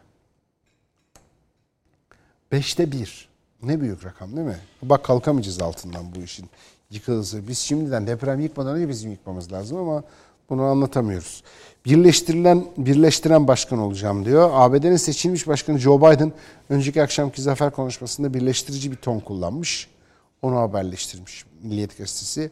Trump destekçilerine seslenen Biden birbirimize şans verelim diyerek ben, ben de iki kez kaybettim. Sert söylemleri bir kenara bırakma, atmosferi sakinleştirme, birbirimizi dinleme zamanı ifadelerini kullanmış. Ben de bakın iki kez kaybettim. Hadi birbirimize şans verelim diyor. Şuşa kurtar, kurtuldu diye haber var Milliyet gazetesinde ve CHP enkaz altında kaldı diyor Cumhurbaşkanı Recep Tayyip Erdoğan. Hemen Milliyet gazetesinin ardından dönelim Akit gazetesinin birinci sayfasına bakalım. Akit gazetesi manşetinde diyor ki zillet ittifakının Biden sevinci. Ya ben bunu da anlamıyorum hakikaten yani hani Biden'ın nesine seviniyorlar? Şu da seviniyorlar. Ee, yani demişti ya Biden seçimden önce bir yaptığı bir konuşma. Türkiye'de muhalefeti desteklememiz, iktidarı devirmemiz lazım diyor. Bir umutlandılar Biden'ı e, başkan olunca. Bizi destekleyecek, Erdoğan'ın devirecek, bizi başkan yapacak diye seviniyorlar. Net eziklik değil mi? Allah korusun ya. Bir, bir, ben mesela bir şey yapmak isteyeyim yani. Bırak iktidar, devlet yönetmeyi falan filan. Ne bileyim işte hani parka gideceğim. Park, park. Basit bir şey böyle. Ona bile böyle Allah'ım Amerika inşallah beni gelecek parka götürecek diye sevinmek. Amerika gelecek bana yemek verecek. Amerika gelecek bana başkan yapacak. Beni başkan yap Biden falan. Ya yapmayın bunu ne olur ya. Alın kardeşim hükümetleri gitsin. Bir parti gider bir parti gelir. Bunlar büyük şeyler değil. Ama yani Guaido gibi beni başkan yap Amerika diye ağlarsan e, Biden'da ne kadar mazlumların umudu falan diye propaganda yapıyorlar. Şey, bir tane şey var ev zencisi. House nigga diyor ona. Malcolm X söylüyor. Benim lafım değil. Ben siyahi derim. Zenci demem. Bakıcı değiliz. Ama onların adı ev zencisi. House nigga diye tarif ediyor. House nigger diye tarif ediyor bunu Malcolm X. Malik el Şahbaz. Allah rahmet eylesin. Malik el Şahbaz şöyle anlatıyor mesela. Anlatayım. Diyor ki bir diyor köle zenci köle diyor sahibine çok bağlıysa sahibi hasta olduğunda diyor sahibinden daha fazla üzülür. Biz hasta olduk diye tarif eder diyor meseleyi. O kölenin diyor master efendisi diyor evi yansa diyor efendisinin evin sahibinden daha fazla evin yanması üzülür. Bizim evimiz yandı der diyor. Bunlar diyor e, bizim diyor siyahilerin özgürlüğü için diyor önümüzdeki en büyük engel. Bunların adı diyor ev zencisi. Sadık köpekler yani. Ev zencileri. House nigger. Şimdi bu bir house nigger'lık. Yani e, orada bir zenci var. House nigger, ev zencisi. Gözlü çıkmış ağlıyor. Biden diyor geldi. Biz diyor kendimizi çok iyi hissediyoruz diyor da problem şurada. E, göz yaşlarını nasıl siliyor musun? Gözlüğü var. Peçeteyi gözlüğün üstünden göz yaşını siliyor. ben tansiyonun ceketinin üzerinden ölçtüğünü görmüştüm yani. Münafığın kralı. Amerika dedim ki bundan daha büyük münafığı çıkmaz Amerika'dan diye çıktı. Gözlük göz yaşını gözlüğün üzerinden silen ev zencisi çıktı. Biden geldi diyor. Ha biz diyor hepimiz çok şey olacağız diyor böyle ya bunlar sahtekar adamlar. Şimdi bu sahtekar adamın görüntüsünü alıp da burada Twitter'da paylaşan hadi bakalım buna da bir şey deyin falan diyor. Ona ne diyeceksin sen? Getirdiğin adamların ne olduğunu biliyoruz. Obama'dan biliyoruz, Bayan Clinton'dan biliyoruz yani. Böyle bir durum. Ev zencileri burada Biden propagandası yapıyorlar. Zillet ittifakının Biden sevinci işte bu yüzden seviniyorlar yani. Biden ne olur Amerika bizi başkan yap diye ağlıyorlar yani. Ee, bir haber daha var. Ekrem İBB'nin parasını Mahruki'ye akıtıyor diyor. Nasuh Mahriki Akut Vakfı Başkanıymış efendim. Nasuh Mahriki. Diyor ki haberde CHP'de Ekrem, Ekrem İmamoğlu yandaş dernek ve vakıflara para aktarmaya devam ediyor. Önce ÇEDD ile parasal ilişki kuran ardından TSED'ye 10 milyonluk araziyi 16 yıllığına tahsis eden İmamoğlu şimdi de CHP yandaşı Nasuh Mahriki'nin Akut Vakfı'na para akıtıyor. AFAD gibi etkin bir kamu kurumu yerine yandaş Mahrikin Akut Vakfı ile ilişki kuran İBB, söz konusu videoları metrolardaki Modyo TV sisteminde bugün yayınlamaya başladı. Yani dün Mahrikin'in Van'a ve şartellerini kapatın, acil durum çantanızı alın, binayı boşaltın gibi sıradan ifadelerle hazırladığı videolar İBB TV'den yayınlandı. Ne olmuş? Ee, Nasuh Mariki Akut'a Akut'a para aktarıyormuş Ekrem İmamoğlu. Ve sıra geldi Yeni Birlik Gazetesi'ne. Yeni Birlik Gazetesi'nin bugünkü manşeti şu. Azerbaycan Cumhurbaşkanı İlham Aliyev diyor ki Şuşa özgür. Ee, Dağlık Karabağ'ın Sembol şehri işgal, işgalden kurtarıldığını duyurdu. Ermenistan işgalinden kurtarılan Şuşa Azerbaycanlılar için sadece bir şehir olmaktan çok daha fazla anlam taşıyor diyor. Kafkasya'nın incisi Aziz Kale, Aziz Anıt. Şimdi bugün e, gazetelerin çoğunda bu var. Yani Şuşa çok stratejik, Şuşa çok önemli, Şuşa şöyle, Şuşa böyle böyle önemi var. Normal bir şehir değil. Aa onu normal şehir deme. Çok önemli, çok önemli, çok önemli ama tamam ne önemi var? Hadi say bana beş maddede say. O yok ama bu. O bilgi yok hiçbirinde. Bakıyorum böyle Şuşa çok önemli, çok stratejik. Normal şehir sakın deme. Aa normal şehir değil. Şuşa. Ha, ha. Tamam da ne önemi var? Yani Han kendinden ne farkı var? Hiç kimsede bilgi yok. yani Laçin koridorunun ne olduğu, o, hattın kesilince bunun aşağıya doğru ne demek istediği böyle bir şey yok. Neler var? İşte öyle sağdan soldan duyulmuşlar. Kafkasya'nın incisi. Başka e, Şuşa çok önemli. Başka aa çok önemli. Tamam. Anlat bakalım ne önemi var? Stratejik. Ne o strateji yine çok önemli. Tamam da ne önemi var ya? O önemi bir söyler misin bana? Çok stratejik hocam diyor. Ya git Allah'ını seviyorsan. Laçin koridorundan bahseden yok. Orada tarihinden bahseden yok. Keşke vaktimiz olsa. Yapacağız. Bir haritayla yapacağız hepsini. Ve son gazete. Günün önemli gazetesi Diriliş Postası. Simge şehir şu... Aha bak şimdi burada da. Simge şehir. Tamam da nesi simge? Azerbaycan tarihi ve kültürü simgelerinden olmasının yanı sıra hem bölgeye hakim coğrafi konumu hem de Dağlık Karabağ'ın en büyük şehri Hankendi'ye giden yolun üzerinde bulun. Ha! Bak bak bak. Biri yazmış ya Hankendi'ye giden yolun üzerinde bulunduğu yer diyor. Hankendi'ye giden yol. Bir, önemli. Sadece bu değil ama buradan dolayı önemli. İki, ya Şuşa'nın olduğu yer var ya Orayı durduğunuzda böyle tam bütün çerçeve bölgeyi siz kontrol edebilirsiniz. Üst kurabilirsiniz bölgeye. O önemi var. Bir de elbette tabii kültürel sembol olması meselesi var. Şimdi neyse ABD ikiye bölündü diyor. Joe Biden'ın 46. başkanın olduğu açıklandı. 71 milyon oy aldığı vurgulandı. Donald Trump'ın ise yenilgiyi kabullenmedi. Trump taraftarları silah kuşanarak sokağa indi. Ya bir de böyle de bir şey var. Ve Son önemli güzel bir haber verelim ardından ekonomi notlarına geçelim. Ee, İçişleri Bakanı Süleyman Soylu tedavi oldu elhamdülillah. Hiçbir sıkıntısı yok. Mis gibi taş gibi tertemiz. Hiçbir e, sağlık problemi olmadan görevinin başına dönmüş oldu. Bunu da duyurmuş oldular. Bu da Türkiye için önemli diyelim ve günün ekonomi notlarına bakalım.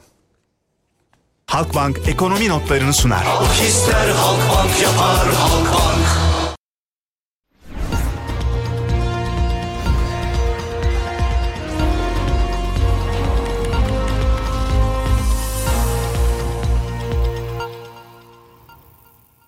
Borsa İstanbul 100 endeksine bakıyoruz. 1191. Bir şeyi fiyatlamış gibi durmuyor şu anda. Sabit. Ee, serbest düşüşün dibinin dibinde bütün dünya borsaları gibi. Türkiye'deki borsa İstanbul'da. Dolara bakıyoruz 8.38. Ee, anlık da şu anda düşüş gösteriyor. Euro 9.98. O da düşüşte. Ve altın 528,96 yani neredeyse 529 lira olmuş bir de düşüyormuş. Yani nereden nereye düşeceksin zaten? 528,96'dan bahsediyoruz. Gram altında Türkiye'de. Halkbank ekonomi notlarını sundu.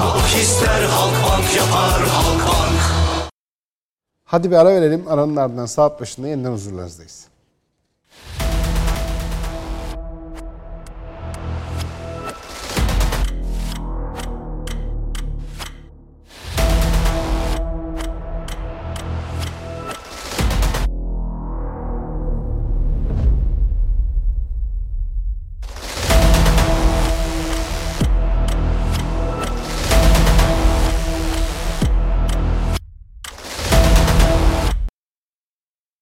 ...9 Kasım Pazartesi devam ediyoruz efendim. Türkiye'nin 13 farklı mecrasına aynı anda yayın yapan... ...Türkiye'nin yeni medya ekranları, TVNet ekranlarında... ...nerede kalmıştık diye soruyoruz. Önemli gündem maddelerimiz var, önemli gündem başlıkları var. Bir numaralı başlık Azerbaycan, iki numaralı başlık... ...Hazine Maliye Bakanı Berat Albayrak'ın Instagram üzerinden istifa etmesi. Azerbaycan'a geçmeden önce bu meseleyi de konuşmamız lazım. Önemli bir haber. Gerçi çünkü zira haber yani. Ee, Hazine Maliye Bakanı Berat Albayrak kendi kullandığı Instagram hesabından kendi yazdığı bir kısa bir mektupla istifa etti. Ee, mektupta işte ailesine daha çok vakit ayıracağını, annesiyle babasıyla ilgileneceğini, çocuklarına vakit ayıracağını söylüyor. At izi it izine karıştı derken at kim, it kim bu konuda herhangi bir açıklamada yapılmadı. Yani e, anlamak mümkün değil. Buradan baktığınızda Sayın Berat Albayrak'ın kime at, kime it dediğini de bilmiyoruz. Ama burada mesele şu, Instagram'dan istifa etmiş olmak sonrasında ne kendisinden, ne Hazine Maliye Bakanlığı'ndan herhangi bir yetkiliden, ne oradaki basın çalışanlarından, basın danışmanlarından, ne de hükümetin kendisine bir açıklama gelmemesi ortalıkta bir bulanmaya sebep oldu. Dolayısıyla dedikoduculara gün doğdu. Herkes kendi elinde listesini hazırlıyor. Özlem Albayrak bakıyorsunuz mesela, herkes kendi hayalinde, kendi hayal dünyasında, kendi sanrı aleminde, ne Özlem Gürses özür dilerim kendi sanrı aleminde ne yaşıyorsa onu kusmaya başladı. Mesela Özlem Gürses'e bakıyorsunuz diyor ki erken seçim geliyor. Ha, oradan onu şunu anlıyorsunuz. Bunun sanrı aleminde kendi o şizofrenik dünyalarında neyin bölünmesini yaşıyorlarsa, hangi akıl hastalığına takılıp orada debeleniyorlarsa onu kusuyor insanlar. Özlem Gürses erken seçim dedi. Başka birine bakıyorsunuz işte ben Bülent Arınç o kadar güçlüyüm ki işte başbakana da şey cumhurbaşkanına da şunu dedim aman ha böyle dedim diye şeyler. Ya belli onu kimin yaptırdığı yani o haberi. Onu görüyorsunuz. Bir taraftan bir bakıyorsunuz ki bir liste. İşte kabine geliyor hop bir tuhaf isim görüyorsunuz orada bir tane böyle. ya kendini bakan diye yazdırmışsın işte. Bunlar da koca koca adamlar ha inanıyoruz güveniyoruz yani böyle bakıyorsunuz ne bileyim bakan, milletvekili, bilmem ne bürokratı falan değil mi böyle? Kendi adını yazdırıyor ya bakan diye liste sızdırıyor sosyal medyada üç tane ucuz trole. Oradan da iş yaptırıyor. Uf, uf. Vakar gitti vakar. O devlet adamlığı, devlet vakarı bunlar gitti yani. Çok ayıp. O kadar belli ki yani herhangi bir Twitter kullanıcısı ve bak ya bunu sen yapmışsın işte artık bu şeye benziyor yani. Ben şimdi liste sızdırayım mı? Savunma Bakanı Erem Şentürk falan diye mesela böyle. Yeni kabineyi gördünüz mü? Öyle kafasına göre birkaç bakan koyuyor oraya mesela böyle. Savunma Bakanı da kendi adını yazdırıyor. Savunma Bakanı Erem Şentürk. ya arkadaş o listeyi sen yapmışsın işte. Numara yapma yani. Hani ben anlıyorum ben. Görüyorsun. Herkes görüyor. Bunlar e, ortalığı karıştırmak isteyen bir sürü dedikodu yayıldı. Ama gerçek bir haber var. Gerçek haber şu. Hazine Maliye Bakanı Berat Albayrak istifa etti. Artık yok. Bakan değil. Peki şimdi soru şu aklımızda. Bir, ilk soru oydu. Ee, bu acaba hesap mı eklendi? Ee, Twitter'ı kapatmış olmasından yola çıkarak böyle bir şey söyledi. Yani Twitter'da gitti e, şeyde Instagram'dan da yaptı ama Instagram mavi tıklı hesap falan. Bir tane delil var elimizde bunun hacklenme olmadığına dair. Ne o delil? Dolayısıyla hayır eklenmedi bu gerçek diyebiliriz. Şu Eğer hack olsaydı çoktan açıklama yapılmıştı. Daha o anda hemen 15-20 dakika sonra hadi bilemediniz en geç yarım saat içinde bütün mesele çözüldü. Demek ki o gerçek. İki, peki Cumhurbaşkanı Erdoğan bunu kabul etti mi? İkinci delil elimizde. Eğer Cumhurbaşkanı Erdoğan bunu kabul etmeyecek olmasaydı çoktan bunun da açıklaması yapılmıştı. Değil mi? Süleyman Soylu da sosyal medyadan istifa etti. Bir de bak şimdi bunu da konuşmamız lazım. Bu ne bu sosyal medyadan istifa işi hiç yakışıyor mu devlet vakarına? İçişleri Bakanı Süleyman Soylu da aynı şeyi yaptı. Şimdi Berat Albayrak, Sayın e, Hazine Maliye Bakanı Berat Albayrak da aynı şeyi yapıyor. Ya bu, bunlar devlet vakarına yakışıyor mu? Devlet adamı yani. Sosyal medyadan istifa falan. Olacak iş mi ya? İşte bunu da mesela bunu yaşamamalıydık mesela. Bu da önemli. Devlet vakarı diye bir şey var ya devlet adamlığı hani. Ne olursa olsun. Önce devlet sonra ben. Ne yapıyoruz? Neye bozulmuşsak bozulalım. Bir tane masa kuruluyor. Masada gazeteciler çağrılıyor, yetkililer oluyor. Bismillah diye başlanıyor. Deniyor ki böyle böyle sebeplerden dolayı şu görevimi bırakıyorum. Yerime de bu geliyor. Hmm, bak bir bulanma yok, bir e, kafa karışıklığı yok, bir şey yok değil mi? Temiz temiz. Devlet devam. Bak pazartesi piyasalar açıldı. Devlet devam edecek. işler güçler değil mi? Bunu bekliyorduk. Bu olmadı. Peki medya bunu niye haber yapmadı? Medya bunun nesini haber yapacak? Tamam bakan istifa etti. İstifa ile ilgili başka bir şey biliyor muyuz? İkinci bir bilgi. E, yok elimizde. Dedikodu mu yapalım? Ha, haber bültenlerine dedikodu mu koyalım? Sosyal medyadan o bunu dedi. Bu da bakanlıkta bilmem ne dedi diye ondan sonra dedikodu alsın gitsin. Olmaz ki ama yani. Dedikodu da yapamayız. Mecbursun gazeteciysen eğer açıklama yapmaya, açıklama beklemeye, gerçek bir bilgi beklemeye mecbursun. Eleştireceksek şöyle eleştirin medyayı. Bu haklı bir eleştiri olur. Ya ne biçim gazetecisiniz yani öğrenemediniz mi? Bir telefon açıp öğrenelim mi? Olmadı öğrenemedik. O bir telefonu açtık efendim cevap vermediler. Yani Hazine Maliye Bakanlığı'nın e, yetkilileri telefonu açmadılar. Basın ekibi telefonu açmadı. Ha, bunu da söyleyeyim şimdi. Sorduk, yazdık. Ne diyelim? Konu ne? Aslı ne? Gerçek mi? Kim geliyor? Ne oluyor? Bundan sonraki plan ne? I-ı, cevap yok. Peki arayalım. Tık meşgule atıldık. Dolayısıyla ya dedikodu yapacaktık ya da susacaktık. Dedikodu mu yapalım susalım mı? Hangisi? Allah rızası için doğru cevap versenize bana. Dedikodu mu yapalım? Yani sosyal medyada bakan listeleri bilmem neler falan bunun dedikodusunu yapalım mı? Olmaz ki ama yani. Bir sorumluluk diye bir şey var. Nasıl dedikodu yapayım ben millete?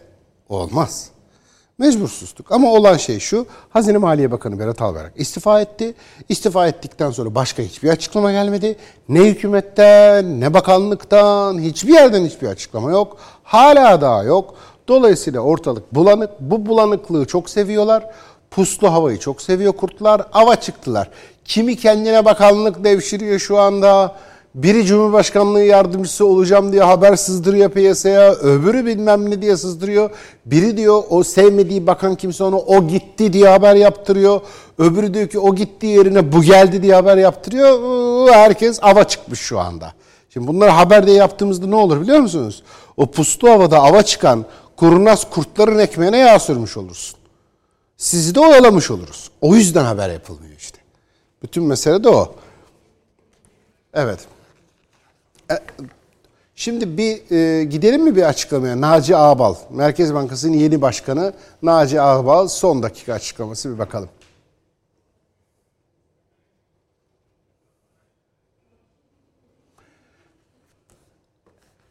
Evet, Naci Ağbal, e, Merkez Bankası yeni başkanı Naci Ağbal bir son dakika açıklama yaptı. Açıklamasında diyor ki, gerekli para politikası kararları alınacak. İstikrar için tüm politika araçları kararlılıkla kullanılacak dedi. Merkez Bankası'nın yeni başkanı Naci Ağbal'ın ilk açıklaması da böyle oldu. İstikrar için tüm politika araçları kararlılıkla kullanılacak ve gerekli para politikası kararları hızlıca alınacak diyor Merkez Bankası Başkanı Naci Ağbal.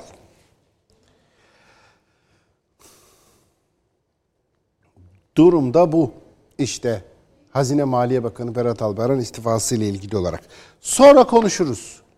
Öne, önce bu meselenin bir netleşmesi lazım. Sonra Berat Albayrak neydi? e, ne yapıyordu, neden istifa etti falan bunlarla ilgili elimizde ne var? Berat Albayrak'ın istifa bilgisine dair neden istifa ettiğine dair gerekçe. Hadi bunu haberleştirin. Neyini haberleştireceğim bunun ben? Diyor ki aileme vakit ayıracağım. Peki Allah razı olsun. İki at izi it izine karıştı. Ben bunu haberleştiremem şimdi. At kim, it kim bilmiyorum ben. Berat Albayrak kime at dedi, kime it dedi bilmiyorum ki. Nasıl haberleştireyim? Şimdi ne oluyor biliyor musunuz? Bunu başkası da bilmiyor. Biliyorum diğer de yalan söylüyor, numara yapıyor. Herkesin kendi atı farklı, iti farklı. Bir sürü klik var şu anda. O kliğe göre bunlar it, onlara göre de bunlar it. Ne bileyim kim kimin iti, kim kimin atı. Nasıl haberleştirsin bunu medya? Olmaz. O yüzden yok yani haber. Bunu bunu halletmemiz lazım. Bugün çözülecek bu mesele. Bir açıklama gelecek. Ha diyeceğiz. Olay buymuş. Ha at buymuş, it buymuş. Ha onunla bunun izi, bununla da bunun izi karışmış diye bugün söyleyebilecek herkes bunu. Şu anda bunu bilen Türkiye'de insan yok yok. Hani biliyor da susuyor yok. Bilen kimse yok. Bunu biliyorum diyen de yalan söyler. Yorum ya yaparız yorum o mesele değil. Bir bilgi gelsin. Bilgi lazım şu anda. Kimsenin elinde bilgi yok. O yüzden haber yapılmıyor. İkinci gündem maddemiz. Azerbaycan Ermenistan. Karabağ işgalden kurtuluyor. 11 şehir var. 11 şehrin 5 şehri kurtuldu. Dün itibariyle en son kurtulan, işgalden kurtulan, hürriyete, özgürlüğe kavuşulan şehir neresi? Şuşa. Ne önemi var Şuşa'nın? Bir, Şuşa'nın bulunduğu yer. Laçin koridoru. İki, Şuşa kalbi deniyor buna. Sebebi çünkü Şuşa pozisyon itibariyle bütün bölgeye hakimsiniz. Üç, Şuşa kültürel anlamda sembolik bir şehir. Dört, Şuşa'dan e, binlerce insan oradan zorla evlerinden, barklarından alınmıştı. Onlar şimdi geri gelecekler. Karabağ'daki nüfus planlaması meselesi. Beş, ben Şuşa'yı işte başkent ilan ettim demişti Ermenistan. Değil mi? Bütün bunu elinden alıyoruz. Altı, e, bütün o askeri sevkiyatın Ermenistan'ın ordusunun stratejik olarak sevkiyat koridoru olarak kullandığı bir yerdi. İşte bunları birleştirin. Yedi, Şuşa'dan sonra sıra nereye geldi? Hankendi'ye. Şuşa olmadan Hankendi alınamazdı.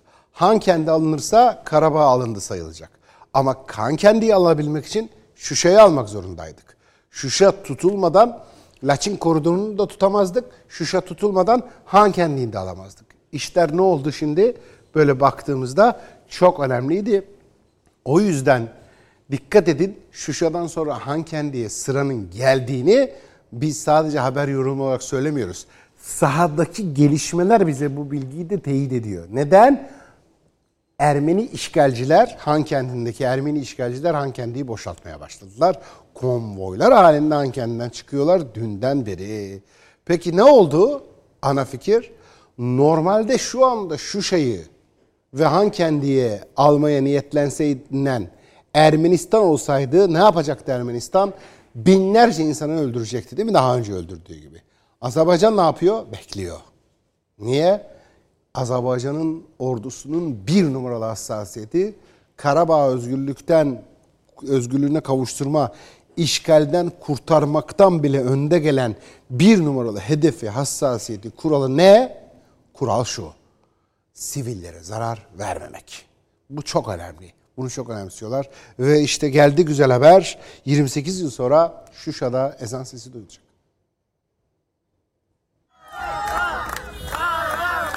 Əziz həmvətənlər, əziz bacılar və qardaşlar, böyük fəxarət və qürur hissi ilə bəyan edirəm ki, Şuşa şəhəri işğaldan azad edildi.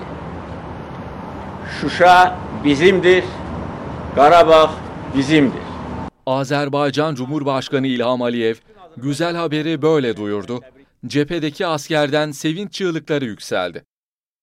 Aliyev, ulusa sesleniş konuşması öncesi eşi Mihriban Aliyeva ile babası Haydar Aliyev'in kabrini ve şehitler anıtını ziyaret etti. Ziyaret sonrası Aliyev çifti birlikte zafer pozu da verdi.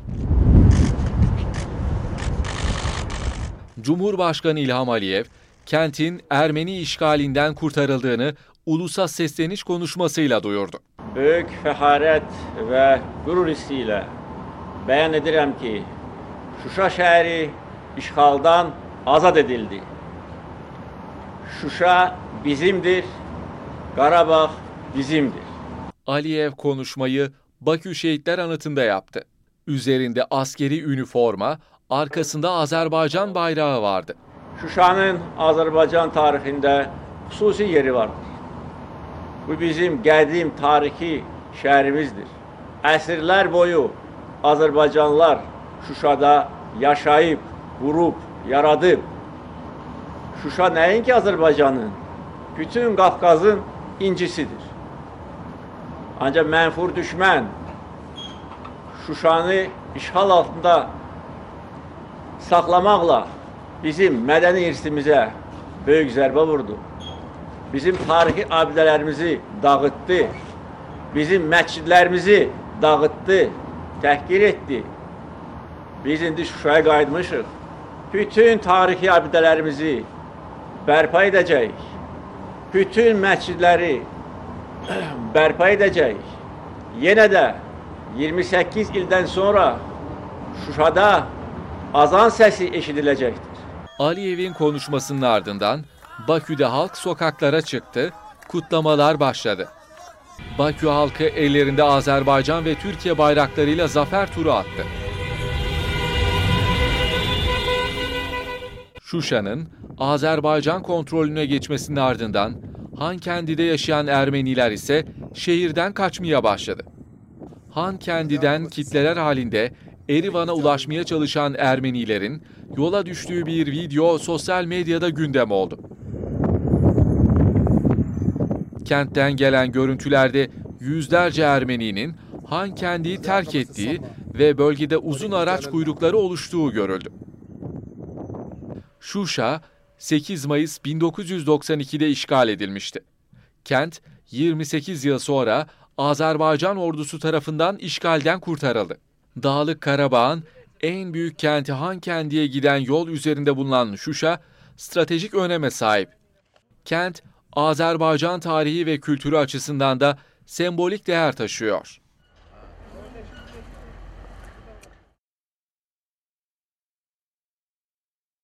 Ve Azerbaycan işte bu mesajı paylaştı. Bu mesajı paylaşır paylaşmaz ard arda destek mesajları geldi. Çok sayıda isim Şuşa'nın kurtuluşu hayırlı olsun, uğurlu olsun sözleriyle bütün dünyada bu sevinç olarak paylaşıldı.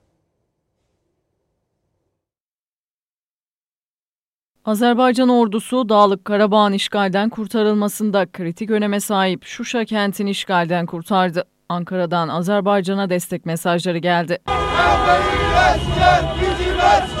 Cumhurbaşkanı Yardımcısı Fuat Oktay, Şuşa Ermenistan işgalinden kurtuldu. Zaferin kutlu, gazan mübarek olsun kardeşim diyerek mesaj paylaştı. Cumhurbaşkanlığı Sözcüsü İbrahim Kalın sosyal medyadan paylaşımda bulundu ve Şuşa Ermenistan işgalinden kurtuldu, kutlu olsun, uğurlu olsun dedi. İletişim Başkanı Fahrettin Altunsu Azerbaycan'ın zaferiyle ilgili paylaştığı mesajda yeni zaferlerimiz mübarek olsun, Şuşa'nın kurtuluşu hayırlı uğurlu olsun ifadelerini kullandı. Bayrak gününde şanlı Azerbaycan bayrağı bir daha inmemek üzere Şuşa'da da dalgalanacak. Üç renkli bayrağınla Mesut Yaşa Azerbaycan sözleriyle mesaj paylaştı Dışişleri Bakanı Mevlüt Çavuşoğlu. Milli Savunma Bakanlığı paylaştığı mesajda Azerbaycan Türk'ü kardeşlerimiz 28 yıl sonra Şuşa'daki meşhur Harı Bülbül çiçeğinin açışını izleyecekler, kokusuna doyacaklar. Ne mutlu onlara ifadelerini kullandı. Dışişleri Bakanı Mevlüt Çavuşoğlu ve Milli Savunma Bakanı Hulusi Akar, Azerbaycan Cumhurbaşkanı İlham Aliyev'le görüştü. Kabulde iki bakan Aliyev'i tebrik etti. Çok sevinçliyiz sözleriyle mesaj paylaşan AK Parti sözcüsü Ömer Çelik ise hocalı kurbanlarının kanı yerde kalmadı. Şehitlerimizin intikamı alındı. İntikamımızı savaş meydanında aldık. 28 yıl sonra Şuşa'da ezan sesi duyulacak dedi.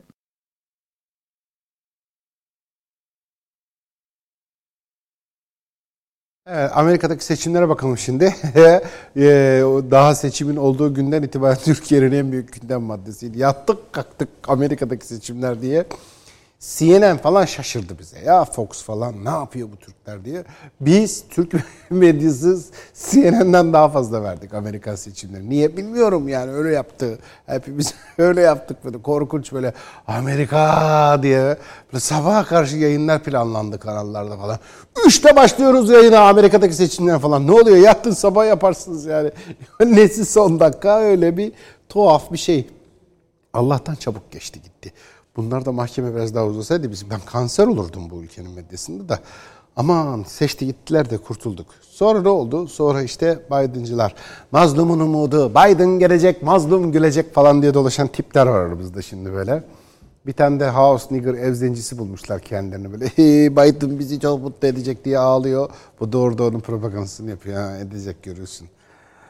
Biden işte böyle mazlumların umudu, demokrat barbar katil, pedofili, sapık Amerikan başkanı seçildi.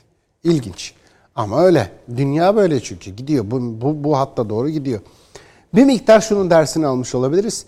Popülizm o oyları denilen oylar yani Trump'ın topladığı oylar. Türkiye'de de var şu anda popülistlikle. Suriyeliler gitsin bilmem ne olsun falan. Bu Türk, Türk milleti, Türküz biz. Burası hepimizin falan diye böyle bir bizim sadece bizim falan diye böyle dolaşan tipler var ya aramızda. Habire Suriyelilerle ilgili yalan söylüyorlar falan. Ya da başka yabancı düşmanlığı yapıyorlar yani. Le Pen buradan oy topluyor Fransa'da. Ha, ben de bu ırkçılıktan biraz toplarım diyen PKK'lılar da öyledir. Onlar da Kürt ırkçılığı yapıyor, böyle Türk ırkçılığı yapıyor. Böyle bir tuhaf oylar, şeytani, leş gibi popülist oylar. Bunlara da çok bel bağlanmayacağı, popülist seçmenin de kaypak olduğu çıkıyor ortaya. Yani Amerika'daki popülist seçmende de bir kaypaklık varmış. Yani zaten kaypak adama kaypaklar oy verir. Bu seçmende de Amerika'daki seçime bir bakın. Hani cumhuriyetçi bir ideolojisi var, bir bakışı var. İşte bir de demokrat bir, bir tavrı var, duruşu var. Bir de bir kaypak takım var bir miktar. Salıncak mı diyorlar onlara? Ne diyorlar? Bir şey söylüyorlar. Salıncak eyaletler mi diyorlar? Kaypak. Yani popülizme kayıyor. Onlara da çok güven olmayacağını, e, onlara göre ayakların, e, işlerin onlara göre, o kaypaklara göre planlanmayacağını da görmüş oldu. Trump bunu bütün dünya görmüş oldu Trump sayesinde. İlginç. Sonra işte Biden'ın meşhur konuşması.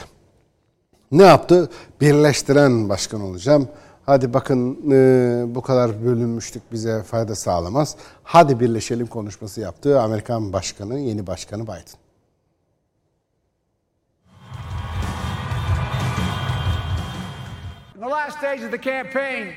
ABD halkı sözünü söyledi. Bize net bir mesaj ve galibiyet verdiler. Ülke tarihindeki en fazla oyu aldık. 74 milyon oyla kazandık.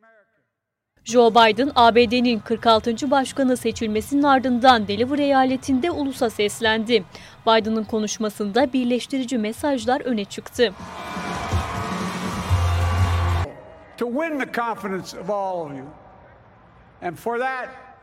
Bölen değil, birleştiren bir başkan olacağıma söz veriyorum.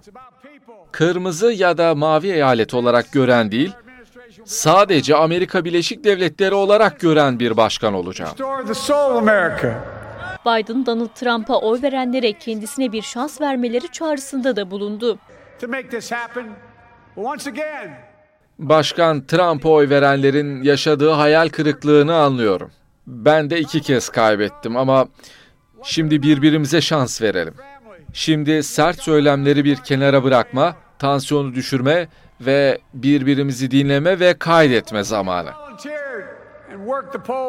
Joe Biden önceliklerinin ise herkesin sağlığını korumak ve ırkçılıkla mücadele etmek olduğunu söyledi.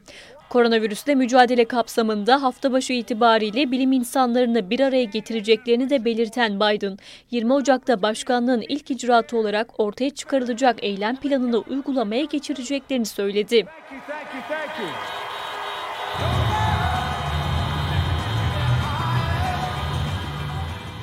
ABD tarihinde başkan yardımcısı seçilen ilk kadın olan Kamala Harris de bir konuşma yaptı. Harris seçmenlere yeni bir sayfa açtık dedi.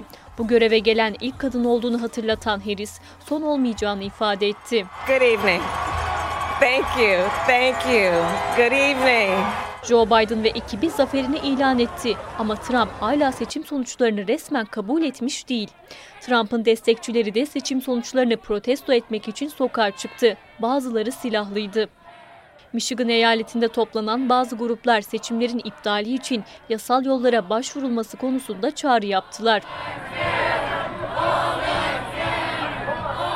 Trump da benzer açıklamaları Twitter hesabından yaptı. Trump tweetinde gözlemcilerin oy sayım odalarına girmelerine izin verilmedi. Seçimi 71 milyon yasal oyla ben kazandım ifadelerini kullandı. Ancak daha önce de olduğu gibi Twitter Trump'ın bu tweetini de seçim yolsuzluğuyla ilgili bu iddialar tartışmalıdır etiketiyle işaretledi. Trump bir sonraki paylaşımında ise 71 milyon yasal oy mevcut bir başkanın aldığı en yüksek oy ifadelerini kullandı. Öte yandan Biden'ın başkanlık zaferine ilişkinse Filistin'den dikkat çekici bir açıklama geldi. Trump'ın büyükelçiliği Kudüs'e taşıması ve İsrail'e olan desteği sebebiyle gidişi Filistin'de memnuniyetle karşılandı. Filistin Devlet Başkanı Mahmut Abbas'ın özel temsilcisi Nebil Şas, Trump'tan daha kötü bir dönem olmadığını belirterek ondan kurtulmak bir kazançtır dedi.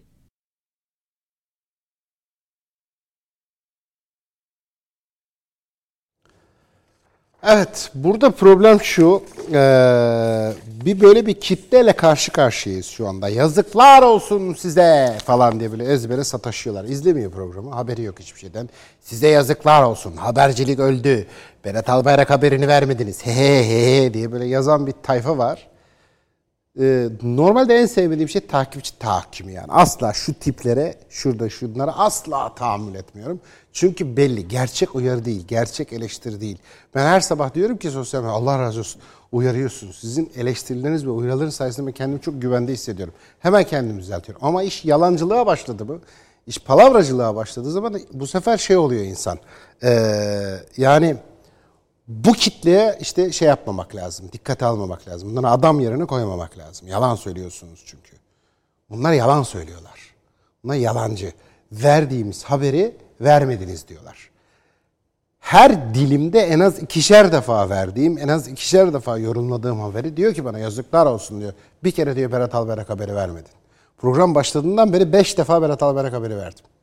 Berat Albayrak'ın istifa ettiği haberini beş kere verdim. Beş kere. Sabah yedi buçuktan bugüne kadar. Şimdi şu yani şu saate kadar birkaç defa daha vermeye devam edeceğim. İşte buna rağmen birisi gelip yazıklar olsun habercilik asıl şimdi öldü haberi de veremiyorsunuz. dedi mi iki şey var. Ya bu ezbere sataşıyor bilmiyor. O zaman dikkate almıyorsunuz bunu. Ya da profesyonel yalancı para alıyor 60 lira 70 lira. Abi 60 lira var mı? Şey yapayım ben hemen sataşayım onlara. Alsın 60 lira. He he he diye yazan tipler böyle. Bunları hiç dikkate almamak gerekiyor. Neden biliyor musunuz? Sizi dikkati gerçek yetten yazanları, gerçekten eleştirenleri dikkate alıp onlarla kendimizi düzeltmek varken böyle yalancılarla, böyle sahtekarlarla, böyle sağa sola kiralanmış trollerle vakit kaybetmek çok korkunç bir şey. Biz devam. Büyük hata olur yani. O hatayı yapmayacağız. O yüzden onların hepsini engelleyeceğiz. Hiç ciddiye almayacağız. Gerçek gündemlerimizle devam edelim. AFAD açıklama yaptı. İzmir depreminde can kaybı 115'e yükselmiş. 115 kişiyi kaybettik. Önlenebilir sebeplerden dolayı. Yani tamamen cahillik var işin başında. Bencillik, hırs, kendinden başkasını düşünmeme, hatalı siyaset, hatalı yönetim, hatalı yerlere imar planı vermek, o imarı açmak, Ondan sonra bir de onlara zemin etüdünde kopyala yapıştır zemin etütleri yapmak. O ruhsat işleri, denetim işleri, açgözlü müteahhitler, açgözlü insanlar, açgözlü mal sahipleri sadece müteahhitler de değil. O mal sahipleri evi satın almış komşular birleşiyorsunuz. Diyorsunuz ki hadi bir binayı kontrol ettirelim, hadi bir yaptıralım, hadi bir baktıralım, hadi bir denetle. Aman diyor masraf çıkar nasıl olsa ben oturmayacağım burada diyor. Kiraya vereceğim gideceğim diyor. Bunları da birleştirdiğinizde sahtekarlık, bencillik, e, cahillik, bütün bunlar birleşince kaç kişiyi kaybettik? 115 kişiyi. Katil değil mi bunlar bu insanlar şimdi? O siyasetçiler, sorumluluğu olan siyasetçiler, sorumluluğu olan müfettişler, ruhsat verenler, o belediyede çalışanlar. Bunlar hepsi katil mi? Vallahi katil.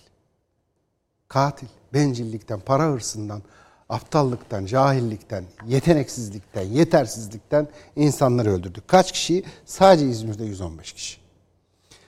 Bir sürü insan yaralanmıştı. Allah şifa versin. Birçoğu tedavi oldu gitti ama 23'ü devam ediyor hala tedaviler. Hala insanlar hastanede. Allah yardımcılar olsun.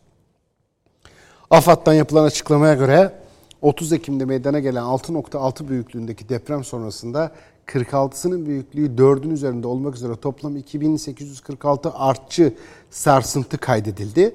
Sağlık Afet Koordinasyon Merkezi'nden alınan bilgiye göre depremde 115 kişi hayatını kaybetti. Yaralanan 1034 kişiden 1011'i taburcu edildi. 23 kişinin ise tedavisi devam ediyor.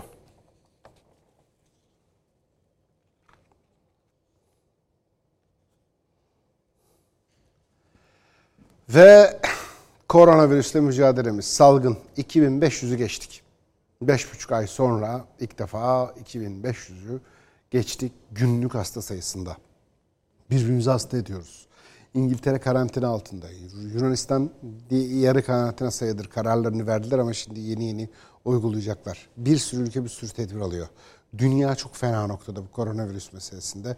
Hala da işte göremiyor musun oyunu, Göremiyor musun? Küresel devlet kurulacak. Hepimize çip takacaklar, kanat takacaklar.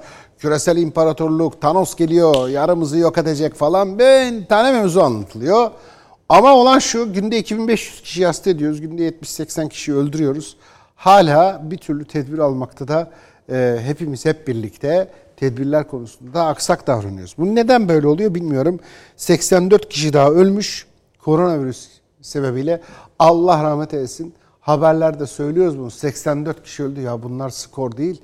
Bu insanlar sayı değil. Burası tabela değil. Allah korusun bu 84 anne, baba, kardeş, eş var orada. Gitti insan evladı yani. O ailelere ateş düşüyor. 84 kişi ölmüş. 2500'den fazla kişiyi de birbirini kendi aramızda hasta etmişiz efendim.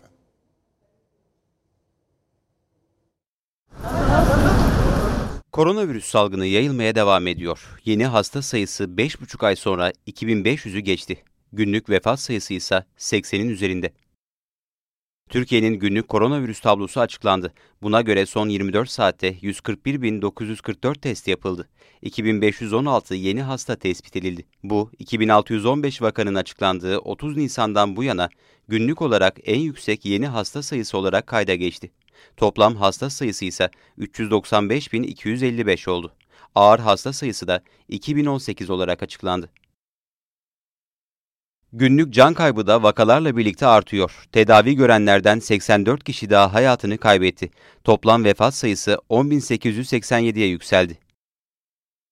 İyileşenlerin yeni vaka sayısının altında olması aktif hasta sayısının artmasına neden oluyor. Son bir günde 2018 kişi daha hastalığı yendi. Toplam iyileşen hasta sayısı 338.239 oldu. Aktif hasta sayısı 46.129'a yükseldi.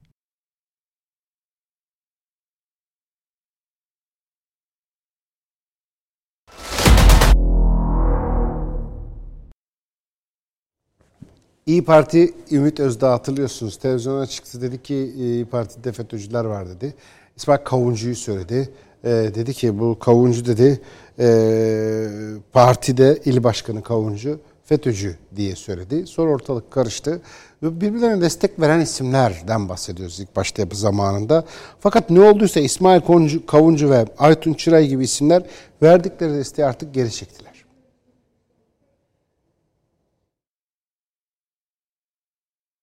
İkinci olan kurultayın ardından oy verilmeyecekler listesi tartışmasıyla başlayan çatırdama, parti içinde FETÖ'cüler var iddiasıyla bölünmeye kadar gidiyor. İyi Parti'de kafalar karıştı, muhalif isimler ikiye bölündü.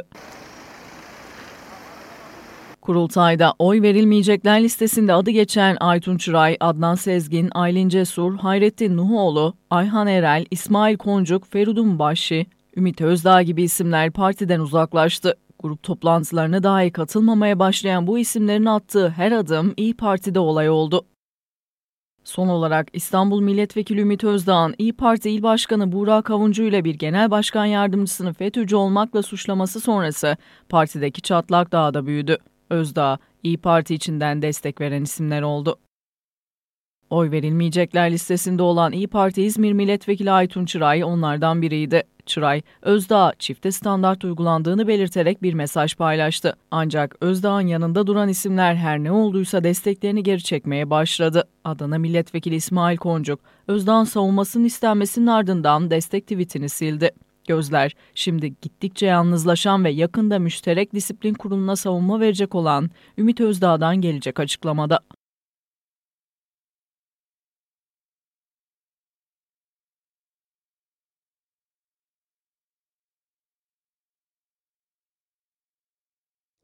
Lübnan'da Beyrut Limanı ile ilgili bir soruşturma vardı. O soruşturma halen devam ediyor.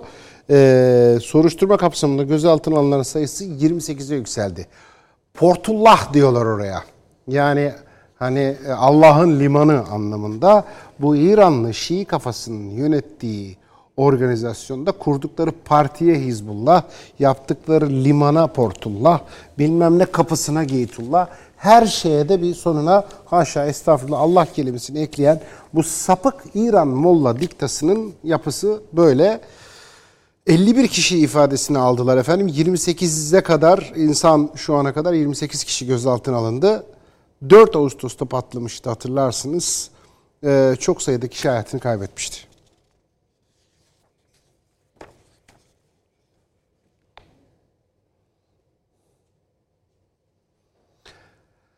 Evet bu sapıklar e, Portullah dedikleri yer orası e, Beyrut limanına. Neden Portullah diyorlar biliyor musun? O patlayan amonyum nitratlar neydi söyleyeyim. Onunla böyle parça parça parça parça Hizbullah üzerinden yani işte Portullah Allah'ın limanını kullanan Allah maşa estağfurullah tövbe estağfurullah. Parti de Hizbullah Allah'ın partisi. Bunlar işte bu Hizbullahçı sapıklar başlarında, başlarında da baş sapık Nasrallah var. Türkiye'de bu sapık Nasrallah'a kahramanlayan adamlar var biliyor musunuz? Allah kahretsin. Şimdi bu Nasrallah'ın adamları o amonyum nitratları parça parça götürüyorlardı Suriye'ye.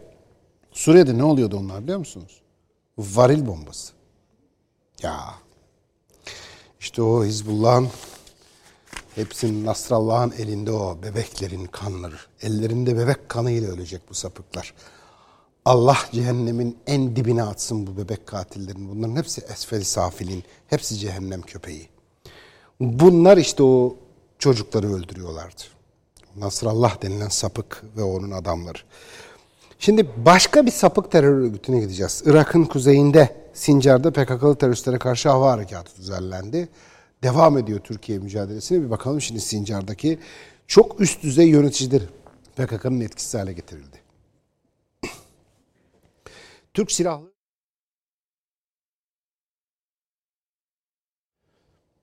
Türk SİHA'larıyla Irak'ın kuzeyinde 3 farklı noktaya operasyon gerçekleştirildi. Operasyonda PKK'lı teröristlerin de içinde bulunduğu bir araç imha edildi.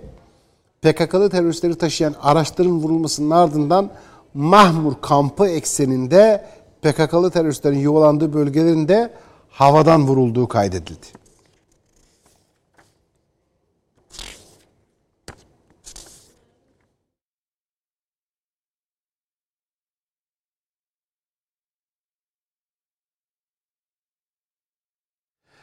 Şimdi Silivri'ye gidelim mi? Bakın çok klasik CHP haberleri bunlar hep. Su akmıyor. İşte şurası kirleniyor. Şu, bundan kurtulması lazım yani. Koca parti, Memleket Anadolu Muhalefet Partisi eline attığı yerde hep üzerine gelen haberler şu. CHP'li belediyede sular kesildi. CHP'li belediyelerde şu dere, şu deniz, şu haliç kirlendi. CHP'li belediyede çöp toplanmadı. CHP'li belediyede bilmem ne oldu. Al şimdi. Silivri Belediyesi. Yine CHP'li belediye bu sefer de ölen balıklar var. Bu halden çıkması lazım. Hakikaten bu bu insanın açısından baktığı ürkütücü bir şey Allah korusun. Bakın gidelim şimdi CHP'ye. Esendoruk Deresi'nde dere ne hale gelmiş? Simsiyah olmuş. E, balıklar da ölüyor. Neden böyle oluyor? Bu bu işin bu bir kader olmaktan çıkmalı artık.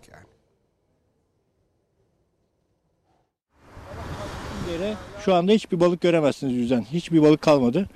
Sadece ölü balıklar var kenarlarda. Esendoruk Deresi'nde neredeyse hiç balık kalmadı. Silivri'deki Esendoruk Deresi'nde yaşanan toplu balık ölümleri çevre sakinlerini hem üzüyor hem endişelendiriyor. Öyle ki derenin renginin siyaha dönmesiyle başlayan ölümler sonrası balıkların bol olduğu derede neredeyse hiç balık bırakmadı. Sezon başında bir sürü atlayan balıklar vardı. Şu an kıyıya vuran ölü bir sürü ölü balık var. Herhalde yani lağımdan falan zehirleniyorlar atık sulardan. Anlatıyorlar bu dereden denize bile yüzülebilir durumdaymış ama şu an bırakın bir insanın yüzmesini 2-3 metre yakınına gelmek bile bazen o e, yoğun dönemde buranın kalabalık olduğu dönemde mümkün olmuyor. Çevre sakinleri acilen dereden örnek alınmasını ve bu ölümlerin tespit edilmesini istiyor.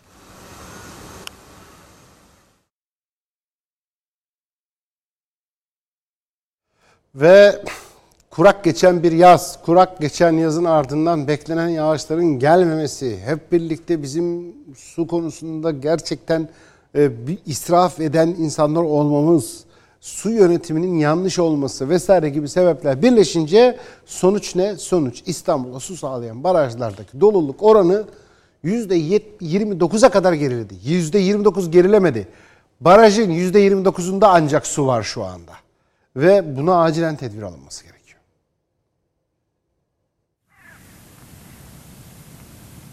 Yine dip suların içerisindeki ağır metaller bazı tehditler oluşturabiliyor. İşte o tehditler insan sağlığını da tehlikeye sokuyor. Günlük ortalama 3 milyon metreküp su tüketilen İstanbul'da kuraklık alarmı veriliyor. Zira barajlardaki doluluk oranı %29'la son 10 yılın en düşük seviyesine indi. Su seviyesi düşüşleri nedeniyle barajlarda bulunabilecek ağır metaller bazı hastalıkları da beraberinde getiriyor. Ağız ve tuvaletlerden bulaş dediğimiz bazı hastalıklar karşımıza çıkabilir. Bunlardan bir tanesi mesela hepatit A geçirmemiş kişiler. Hepatit A olabilir. Artı ekstradan e, kriptosporoidum dediğimiz bazı protozoanlar olabilir. Veya GRD dediğimiz şiddetli e, karın ağrısı ve ishal yapan e, mikroorganizmalarla, protozoanlarla karşılaşabiliriz. Tabii en büyük tehdit, dünyanın büyük tehdidi içme sularında kolera gibi e, mikroorganizmalarla, vibrio kolera ile karşılaşabiliriz. O açıdan e, bu suların e, özellikle temizlenmesi ve temiz olarak bize gelmesi e, büyük önem arz ediyor. Hastalıklardan korunmada suyun çok önemli olduğunu söyleyen uzmanlar, suyun ya arıtılarak ya da kaynatılarak kullanılması gerektiğini belirtiyor.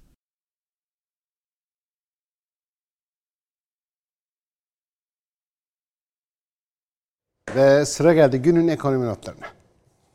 Halkbank ekonomi notlarını sunar. Halk ister Halkbank yapar Halkbank.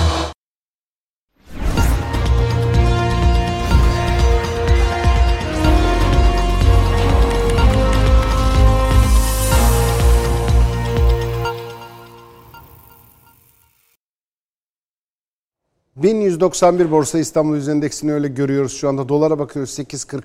Euro 9.99 olmuş. Altın 529,51 anlık olarak düşüş gösteriyor. Halkbank ekonomi notlarını sundu. Halk ister Halkbank yapar Halkbank. Bize ayrılan sürenin sonuna geldik. Bizi izlediğiniz için, izlediğiniz için teşekkür ederiz. Yarın sabah yine aynı saatte tam 7.30'da huzurlarınızda olmak için gayret edeceğiz. Siz bir yere ayrılmayın. Saat başında Semra Karabaş Parapolitik'te burada olacak.